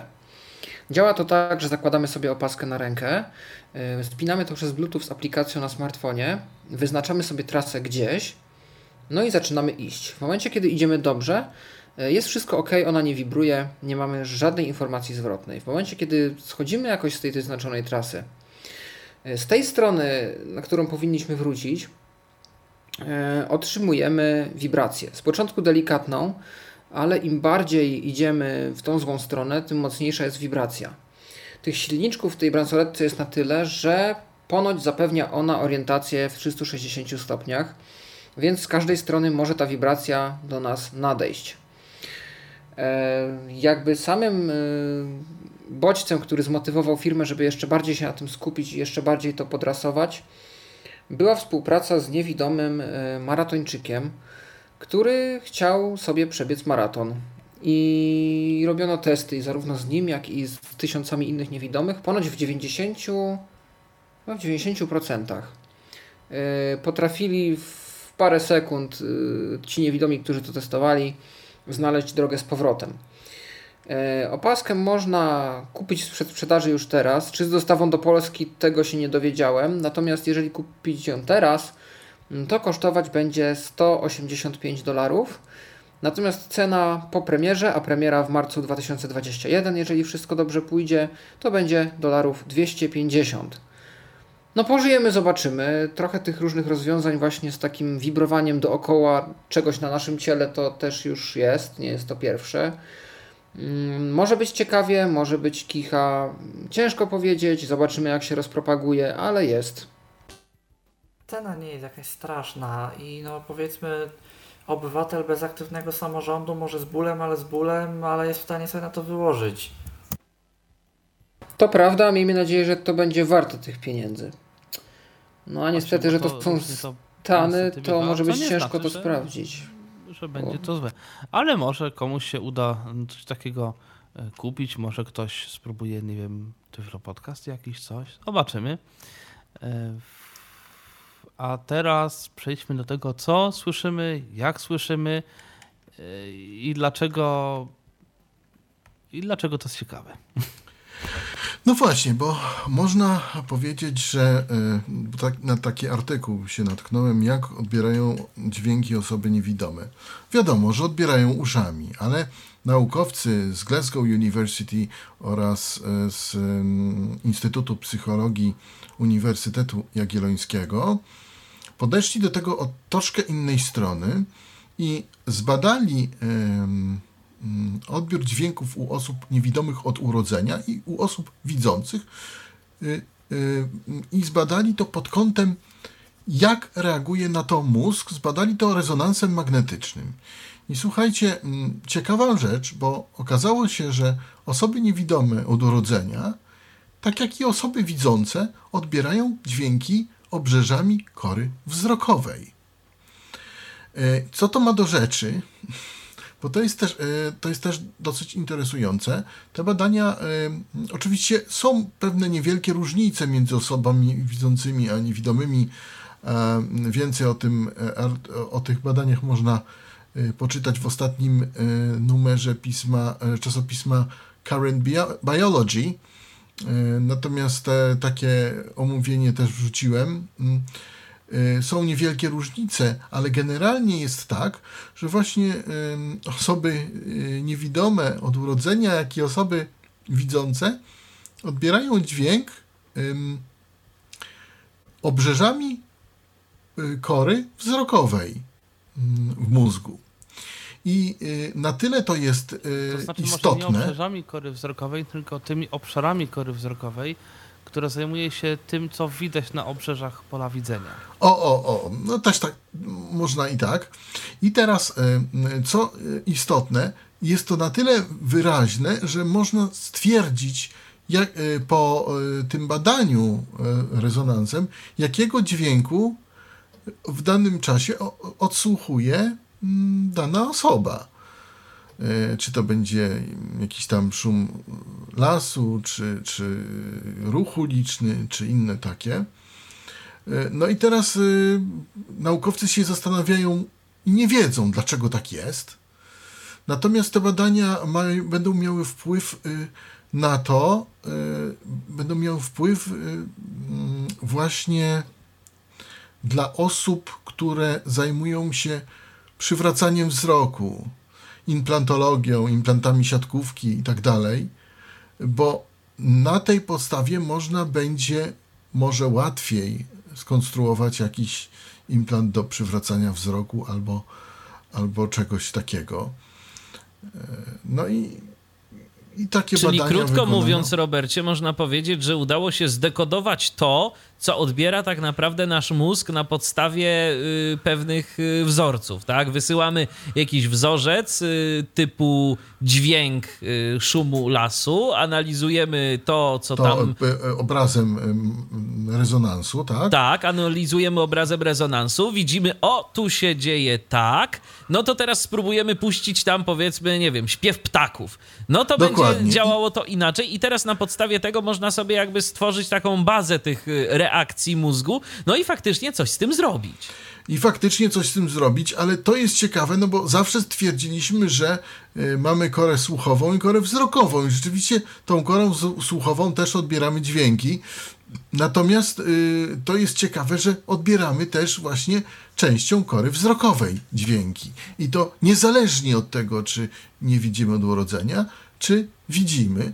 Y, a także y, jeszcze jest jedno wynikło z badania, że mm, osoby, które, że, że mózg osób niewidomych od urodzenia nie dopuszcza jakby utraty mm, wzroku i y, jakby całe to kodowanie tych dźwięków przenosi też na, na korę właśnie wzrokową. Że ona nie jest jakby niewykorzystana, tylko też jest właśnie wykorzystywana. Tylko jest zaadaptowana do innych dźwięku. działań. Ale słuchajcie, I to jest, to jest interesujące. Była taka teoria kiedyś, że właśnie osoby niewidome to używają kory y, wzrokowej do, do odbioru dźwięku i ją wiem, że przez parę ostatnich lat to wiele osób próbowało obalić, że to mit, że to widzącym się tak wydaje, że to niewidomy miał jakieś supermoce, a to wcale tak nie jest. Tylko wiesz, Michale, wy, Mikołaju, wyszło tak, że hmm. tak samo osoby widzące używają hmm. tych samych obszarów kory wzrokowej do odbioru dźwięku jakby. Tylko chodzi Jeżeli o to, że u osób niewidomych od urodzenia jest ona tak samo wykorzystana jak u osób widzących. Jakby nie ma tutaj... Hmm jakby części. Ale czy wiadomo, są... czy, czy wiadomo, Robercie, z tego artykułu, czy w takim samym stopniu, czy na przykład u niewidomych bardziej? Mm, tego nie wyczytałem. To, co przeczytałem, no wychodzi na to, że w zasadzie w tym samym stopniu. W tym samym stopniu chyba, w zasadzie, ale, ale mówię też, to jest takie omówienie, yy, natomiast więcej można gdzieś się tam, myślę, dochrapać yy, czegoś bardziej. znaczy Natomiast jest jest, to jeden- ciekawe.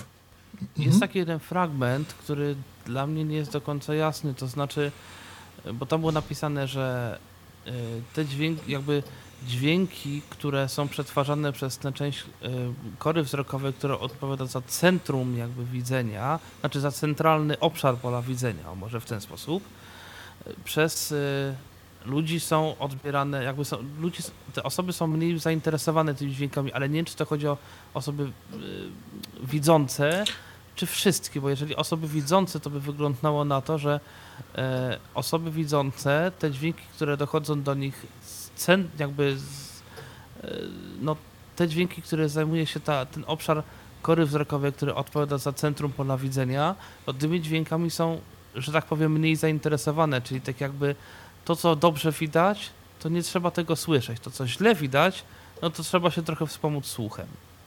Tak, tak, na to wychodzi. Możliwe Mhm. w takim razie, że osoby niewidome, ale to też jest jakaś taka moja trochę interpretacja e, tych fragmentów, które gdzieś, gdzieś tam czytałem, że możliwe, że osoby niewidome w związku z tym, że nie widzą, to możliwe, że te informacje, które są e, przetwarzane przez ten obszar odpowiedzialny za centrum pola widzenia, możliwe, że my te dźwięki e, jako bardziej zwracamy na nie uwagę, może w ten sposób.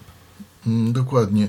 Natomiast z ramienia Instytutu Psychologii e, badaniem zajmował się innymi dr Łukasz Bola z ramienia Uniwersytetu w Glasgow, pewnie jakieś inne osoby.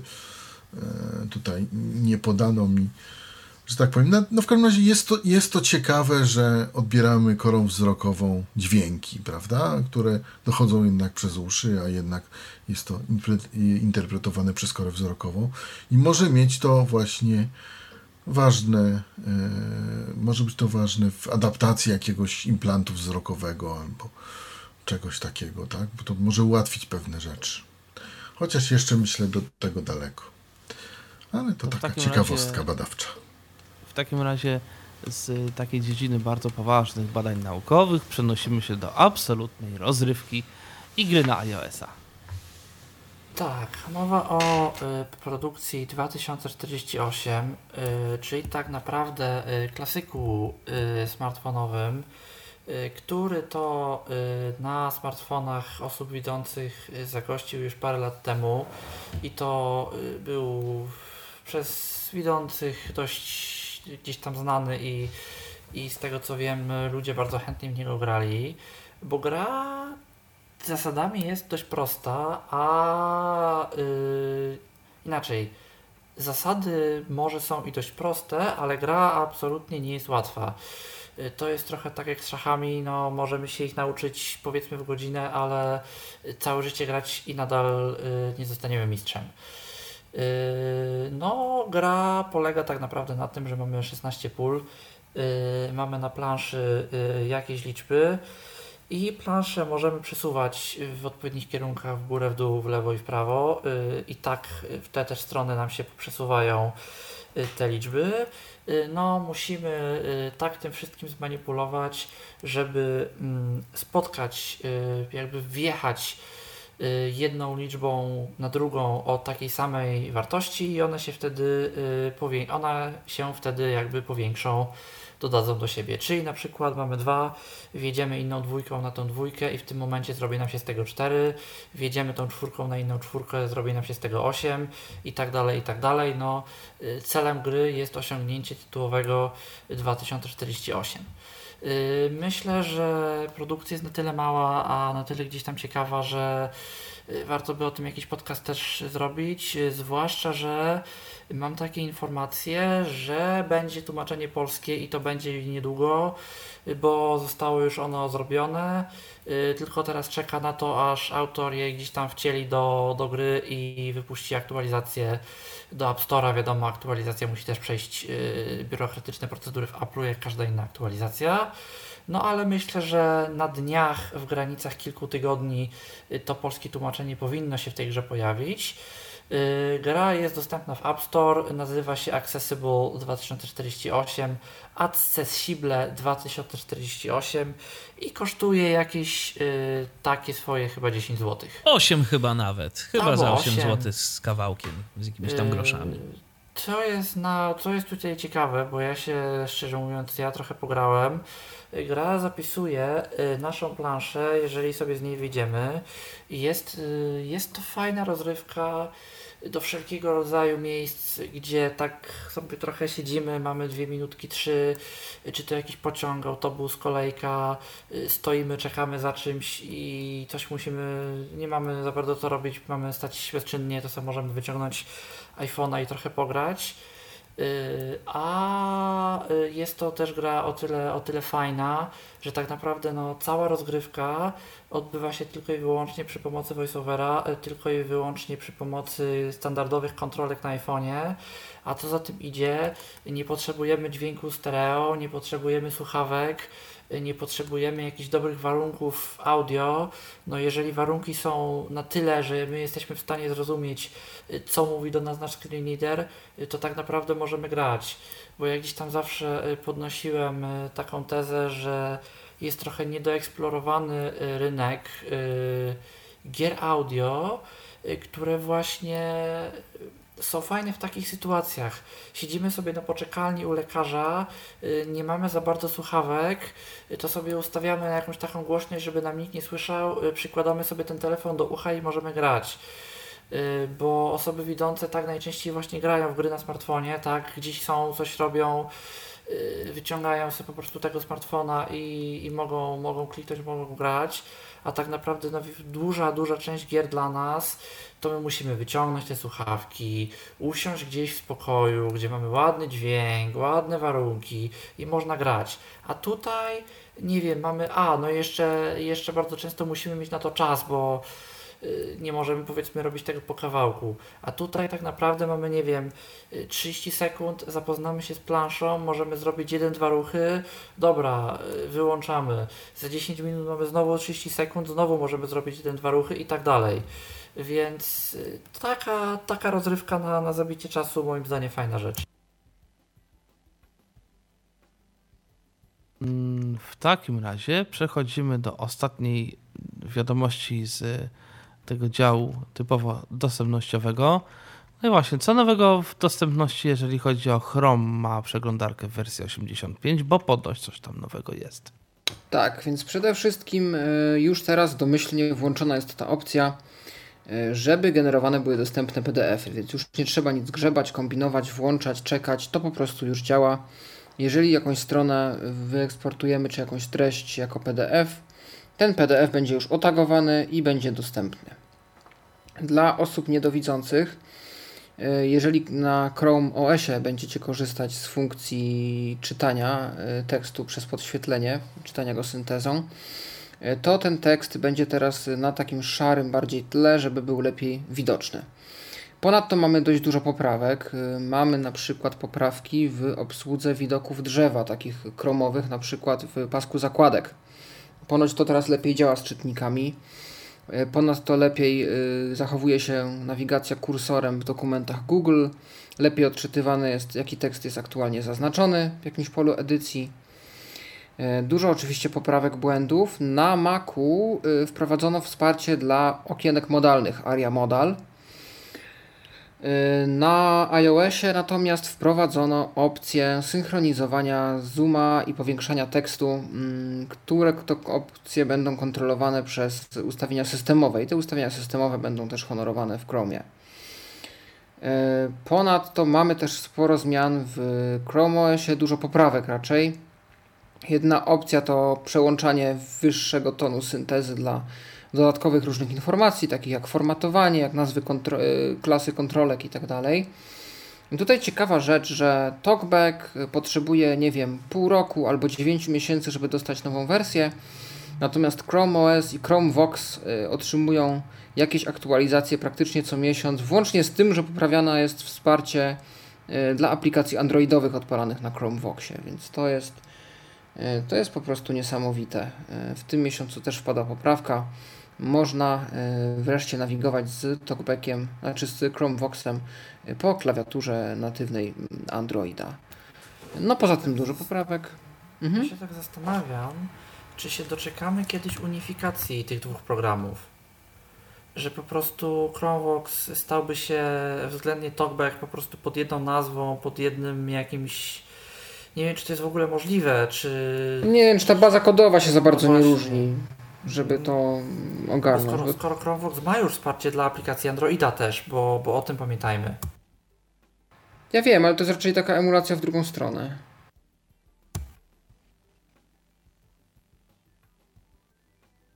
Cisza się zrobiła, w takim razie chyba przechodzimy do już mm, takich bardziej technicznych rzeczy, niekoniecznie yy, takich, które interesują tylko i wyłącznie osoby niewidome, aczkolwiek które są z reguły dla nas przydatne.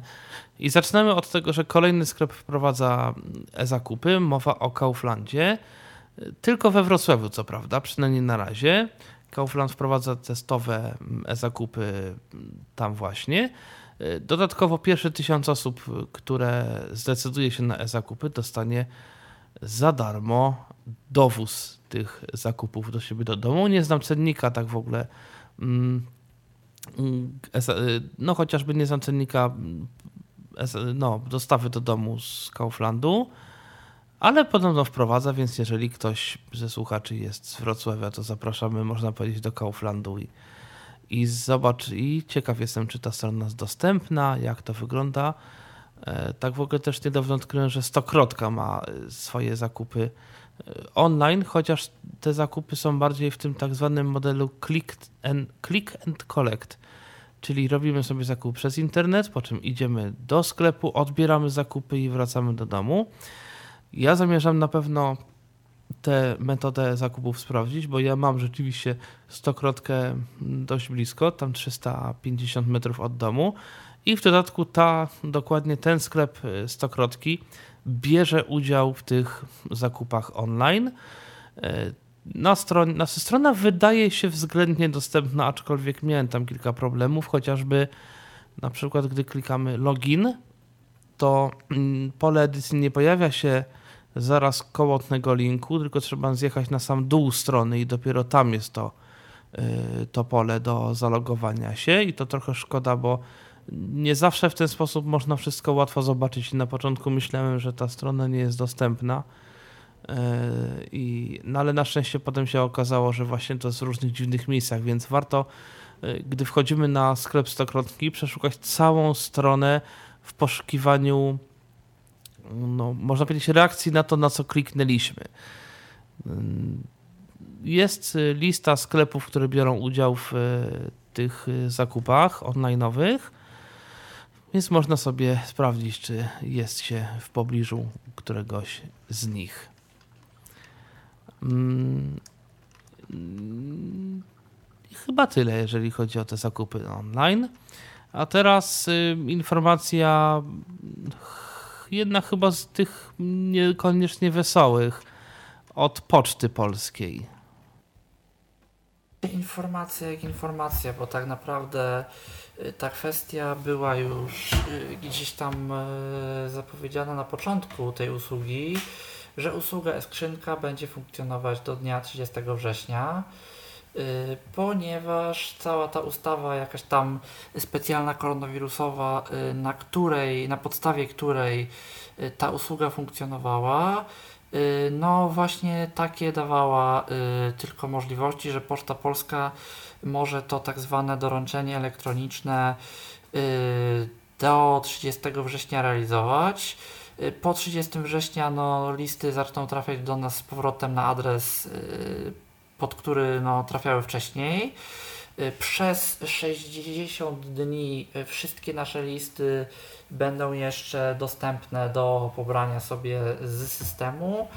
No i po 30, po 30 września nadal będzie działać ta usługa, y, która działała do teraz, y, czyli wysyłanie y, bodajże po miesiącu listów, które do tej skrzynki trafiły z powrotem do nas do domu, bo to, bo to faktycznie tak przychodziło. Czyli jeżeli powiedzmy, nie wiem, 28-29 września coś nam faktycznie jeszcze trafi na tą skrzynkę, to spokojnie będziemy mieli 60 dni na to, żeby tam wejść, żeby sobie ten list przeczytać a też w ciągu dni 30 y, otrzymamy y, kopertę do domu i ten list do nas przyjdzie. Ale Ale, to jest- już po 30 września nowe listy nie będą akceptowane. Ale to jest naprawdę wielka szkoda, że w tym czasie ktoś y, nie wpadł na pomysł, żeby zająć się y, modyfikacją tej ustawy i rzeczywiście uwzględnić y, te możliwości, jakie daje e-skrzynka. No bo skoro można było na kilka miesięcy, no ja okej, rozumiem, że zostało coś przygotowane tymczasowo, ale są Jest osoby, są osoby, którym to rzeczywiście pomagało y, i dla których było to użyteczne, więc dlaczego tego nie kontynuować? Poczta Polska gdzieś tam pisała, że tak naprawdę to, co jest robione teraz, to jest trochę pilotaż. Zróbmy w pandemii, bo jest to potrzebne. Do końca września będzie to działać i zobaczmy, co potem i wyciągnijmy wnioski. Yy, może też nie wiem, ile osób tego faktycznie używało, czy ludzie tego chcieli, czy to było wykorzystywane i no z tego co wiem, to plany właśnie były takie, żeby to do tego 30 września miało działać, a potem się zobaczy. I też kwestia, czy tam faktycznie w poczcie ktoś nie usiądzie i nie stwierdzi, to działało, to działało, to było dobre, to było złe, to trzeba zrobić. Ale no nie wiadomo też jakie będą y, wyniki tych dyskusji, bo szczerze mówiąc, y, z tego co ja widzę, to ta usługa się jakoś nie przyjęła zbyt szeroko. Ja na przykład używałem, ja sobie chwalę, No ale, Ale ona nawet- też dostępnościowa była, dostępnościowo No tak. była dość kiepska. Tam trzeba to było tak, to też się fakt. trochę pobawić, żeby uzyskać do tego dostęp. Ale nawet gdzieś tam wśród widzących, to to jakoś, jakoś nie, jakoś ludzie nie chcieli, mam wrażenie. Mm, W takim razie mówiłem, że w, wrócimy jeszcze w audycji do tematu przewodnictwa kostnego, no i można powiedzieć, nadeszła ta wielka chwila, bo kolejny sprzęt nietypowy został w takie przewodnictwo kostne wyposażony. Pawle? Tak, y, jestem, nie wiem czy mnie słychać, bo coś tu... Słychać. Słuchaj, słuchaj. Y, Tak, niestety zdaje się, że wiadomość radosna tylko dla osób, które mają kogoś w Stanach albo mają jak ze Stanów sobie coś do Polski przerzucić. Natomiast jako ciekawostka dosyć fascynujące. Za około 100 dolarów możemy zakupić sobie maseczkę, y, taką jakie teraz wszyscy powinniśmy nosić, y, która na wysokości przy tych gumkach usznych posiada zamontowane słuchaweczki z przewodzeniem kostnym. No i Bluetooth 4.0, więc prawdopodobnie na Androidzie bę- będzie dźwięk urywany w momencie, kiedy przestaniemy cokolwiek robić, na przykład yy, i on popadnie w bezczynność. No natomiast myślę, że zastosowanie dość ciekawe, bo maski tak czy siak póki co z nami zostaną. A żeby przy okazji ta maska była też funkcjonalna i nam pomagała na przykład w nawigacji, yy, czy w jakimś rozpoznawaniu otoczenia, jakimś lookoutem na przykład, tak ja sobie ostatnio zrobiłem. No, to jest to ciekawa bardzo alternatywa, aż szkoda właśnie, że ze sprowadzeniem tego byłby taki problem. Ale taka maska istnieje yy, i jest.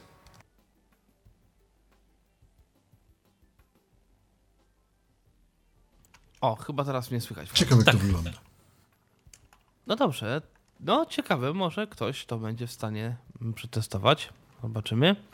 I ostatni news taki, który mam tutaj w notatkach, dotyczy, y, dotyczy Amazona. Mm, Amazon co jakiś czas mówił, że no może by tak wejść do tej Polski. No kiedyś trzeba będzie do tej Polski wejść. No porozmawiajmy o tym, że chcemy wejść do Polski i kolejnym krokiem Amazona w tych różnych zapowiedziach, że no kiedyś trzeba będzie, jest podobno komunikat, że no chcieliby wejść do Polski jeszcze przed świętami, żeby ogarnąć zakupy przedświąteczne. Podobno Poczta Polska stworzyła, jak to było napisane w artykule, specjalną linię do obsługi Amazona. To jest na tyle jakby duży klient. No i zobaczymy, czy rzeczywiście będzie Amazon w Polsce. Zobaczymy, na ile ich baza produktów będzie rzeczywiście dostępna w Polsce, bo podobno czasami różnie to bywa do tej pory. Podobno bywało tak, że część produktów miała napisane, że no przepraszamy, ale no, ten konkretny produkt w tym konkretnym kraju nie, nie, niestety no, nie dostarczamy i trudno. Yy, Zobaczymy, co będzie dalej. Zobaczymy, jak będzie wyglądała kwestia, nie wiem, wysyłki. No, może, może się to uda. No i zobaczymy, jakim klientem w ogóle będziemy dla Amazonu jako Polska. Czy te usługi różnego rodzaju y, zostaną prędzej czy później również zlokalizowane. No mówię chociażby o Aleksie, tak? Bo to y, No. sklep sklepem, ale Amazon też ma wiele różnych swoich portfolio usług, usług, i oczywiście. sprzętu, i sprzętu też y, różnego rodzaju i to mnie też interesuje, jak bardzo Zwłaszcza, że gdzieś tam- Alexa ma Mhm. bardzo dużo zewnętrznych swoich, y, no nie wiem jak to powiedzieć, dodatków czy jakichś takich usług. Chodzi o to, że Nosi, to się tak ładnie część, nazywa. podobno, to już mówiliśmy tutaj kiedyś, że y, na Alexę podobno bardzo łatwo programuje się różnego rodzaju no, takie wsparcie do jakichś, no jakieś swoje akcje powiedzmy. Umiejętności albo skille, bo to po angielsku się Jakoś tak to oni tam nazwali. W każdym razie tego jest podobno bardzo dużo, podobno więcej niż w przypadku Google'a na przykład. Podobno Google potrafi sobie taką usługę wyłączyć, bo taki bez za bardzo informacji, a zwłaszcza bez y, możliwości jakiegoś sensownego porozmawiania o tym dlaczego i mo, To może jest w jednak ogóle w to stylu zostawić. Google'a. Wszelkie rzeczy, nie tylko w asystencie, on lubi w taki sposób. A nawet jak ktoś nie umie programować na Alexę, to może sobie dość tanio wynająć kogoś, kto mu coś takiego zrobi, bo to są y, ceny rzędu tam 20 dolarów za skilla jakiegoś A, takiego niezbyt no skomplikowanego. Gdzieś widziałem, że się na przykład ogłaszali na facebookowych grupach y, ludzie tworzący skille do stacji radiowych. Że tam powiedzmy można powiedzieć, że Alexa, Play tam i, i tak dalej, że nazwę, nazwę naszej stacji. Y, I to mniej więcej, plus jeszcze kilka dodatkowych rzeczy.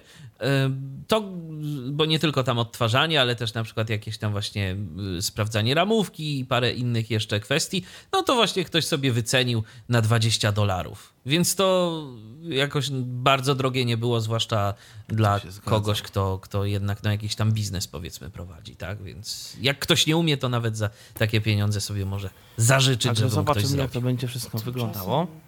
Tymczasem mówiąc o Amazonie, to jeżeli komuś by się zamarzył produkt, którego na przykład do Polski gdzieś tam Amazon nie wysyła, y, a wysyła go na przykład do Niemiec, to jest taka usługa, to światczytników.pl y, gdzieś tam dość mocno promuje. Y, To jakiś y, człowiek zrobił y, Czech, obywatel Czech, y, który mieszka y, na, gdzieś tam na różniczku Polski, Czech i Niemiec. I usługa polega na tym, że wchodzimy sobie do niego na stronę, otrzymujemy w którymś z tych trzech krajów wybranym przez nas skrzynkę pocztową, yy, jakiś tam numer, yy, który podajemy tam jako imię i nazwisko na paczce, skąd by ta paczka nie była. Wysyłamy sobie tę paczkę do tej skrzynki w tym kraju i ten człowiek nam tę paczkę wyjmie i przeniesie przez granicę, prześle yy, naszą pocztą do naszego kraju też w dowolnym z tych trzech krajów. Czyli powiedzmy yy, zamawiamy coś z Niemiec, a mieszkamy no, w Polsce lub w Czechach, to możemy sobie na tejże stronie yy, podać nasz adres polski, yy, podać, że chcemy zamówić coś do Niemiec. Dostajemy wtedy adres niemiecki, dostajemy numer, który my możemy podać jako, jako gdzieś tam imię, nazwisko, y, podajemy to na paczce y, i ta paczka jest dostarczana do Niemiec, a potem człowiek w Niemczech dostarczy nam ją do Polski. Wiadomo, że potem jest problem ze zwrotami, z tym wszystkim, więc z tym trzeba też trochę uważać, ale no, jeżeli ktoś chce, to takie usługi są. No, ciekawe rzeczywiście to jest wiadomość. I to koniec w zasadzie informacji, które na dzisiaj przygotowaliśmy. Jakoś, jakoś krótko nam to potrwało. Ja mam jeszcze jedną informację, którą wyczytałem już w trakcie trwania audycji. Revolut otwiera stronę internetową app.revolut.chyba.com, na której to stronie można się zalogować, można mm, tam trzeba podać numer telefonu, trzeba wpisać PIN, który nam przyjdzie mailem, e, taki kod, nie pamiętam ilu cyfrowy, i można się tam zalogować i chociażby sprawdzić stan konta. Mm, Niestety nie można na przykład zrobić rzeczy, o którą aż się prosi, można powiedzieć, czyli na przykład zablokować karty. Znaczy chodzi o na przykład przypadek, gdy ginie nam telefon albo jakaś, jakiś portfel czy coś, gdzie mamy telefon, karty i tak dalej, i tak dalej.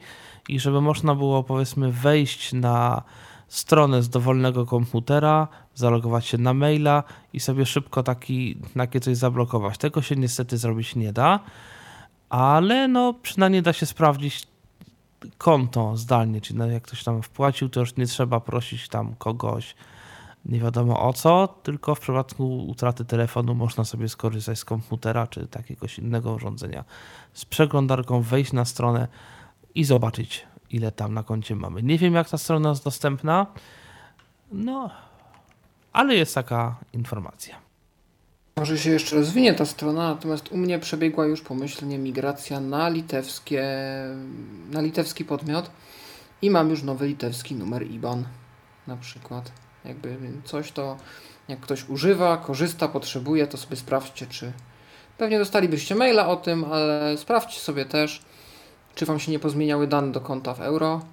Natomiast y, jest okres przejściowy dwóch miesięcy, przynajmniej w moim przypadku, przez który będą jeszcze funkcjonowały obydwa IBANy, e, a potem już zostanie wyłączony ten brytyjski i zostanie nam jedynie ten litewski, więc to sobie warto popatrzeć, bo bardzo. Czyli LT, tak? LT z początkiem, tak. I oczywiście BIG też się zmienia. Jest, kiedyś było Revo GB21, teraz jest Revo LT21, więc e, taka drobna zmiana, niewielka. E, ja mam jeszcze dwa newsy. Pierwszy news to jest e, GoodMaps Explorer, czyli kolejna firma, również amerykańska, bierze się za mapowanie przestrzeni zamkniętych, budynków i nawigację po tychże. Tym razem e, lidar i rozpoznawanie obrazu przez kamerę, czyli administracja budynku uzyskuje dostęp do platformy GoodMap Studio. E, wszystko się dzieje na stronie goodmap.com, goodmap.com i tam przez to studio nakreśla jakby rysunek czy cały plan powiedzmy budynku w formie graficznej. Po tym jak to zostanie zrobione, e, osoba niewidoma, chcąca nawigować, pobiera sobie aplikację GoodMap Explorer, e, obecnie dostępna dla iOS-a, niedługo być też dostępna dla Androida. E, wchodzi do takiego budynku, załącza aplikację. Aplikacja za pomocą kamerki rozpoznaje, co jest dookoła nas, a następnie prowadzi nas, czy w lewo, czy w prawo, czy gdzie I działa tak jak nawigacja zewnętrzna, czyli można wylistować punkty POI, czyli jeżeli na mapie w GoodMap Studio zostały zakreślone konkretne pokoje na przykład w budynku, mm, gdzie one są i jakie pełnią funkcje, to one będą wyświetlone jako punkty POI. Można sobie też wyznaczyć trasę zakręt po zakręcie po takim budynku. Y, no i różne takie cechy, które nawigacja posiadać powinna. Nawigacja również może się ponoć odbywać na zewnątrz, nie wiem po jakich bazach ale ponoć może. Nie wiem też, jakie są koszty utrzymania takiego budynku, natomiast, znaczy takiego budynku w tej platformie. Natomiast y, nie jest nic na stronie, trzeba się skontaktować z firmą celem uzyskania dostępu do platformy. Więc jeżeli są odważni i chcieliby poeksperymentować, zdaje się, że nie wymaga to instalacji, wymaga to instalacji jedynie jednego beaconu gdzieś tam przy wejściu do budynku. Poza tym to nic. E, więc y, no nie trzeba by się skontaktować z firmą i dowiedzieć, jak to wygląda względem kosztów. Natomiast drugi news to mamy NVDA 2020.3 beta 1. I co my tam mamy? Mamy to, o czym mówiliśmy już jakiś czas temu, czyli eksperymentalnie włączenie wybiórczego traktowania elementów UIA. To, o czym mówił Mikołaj, dzięki czemu być może z tym naszym Windowsem 10 będzie się pracowało trochę szybciej. A na pewno z Visual Studio i, i różnymi innymi aplikacjami, które na UIA bazują. Yy, poprawiono w Wordzie różne zwierzki i, i zamuły.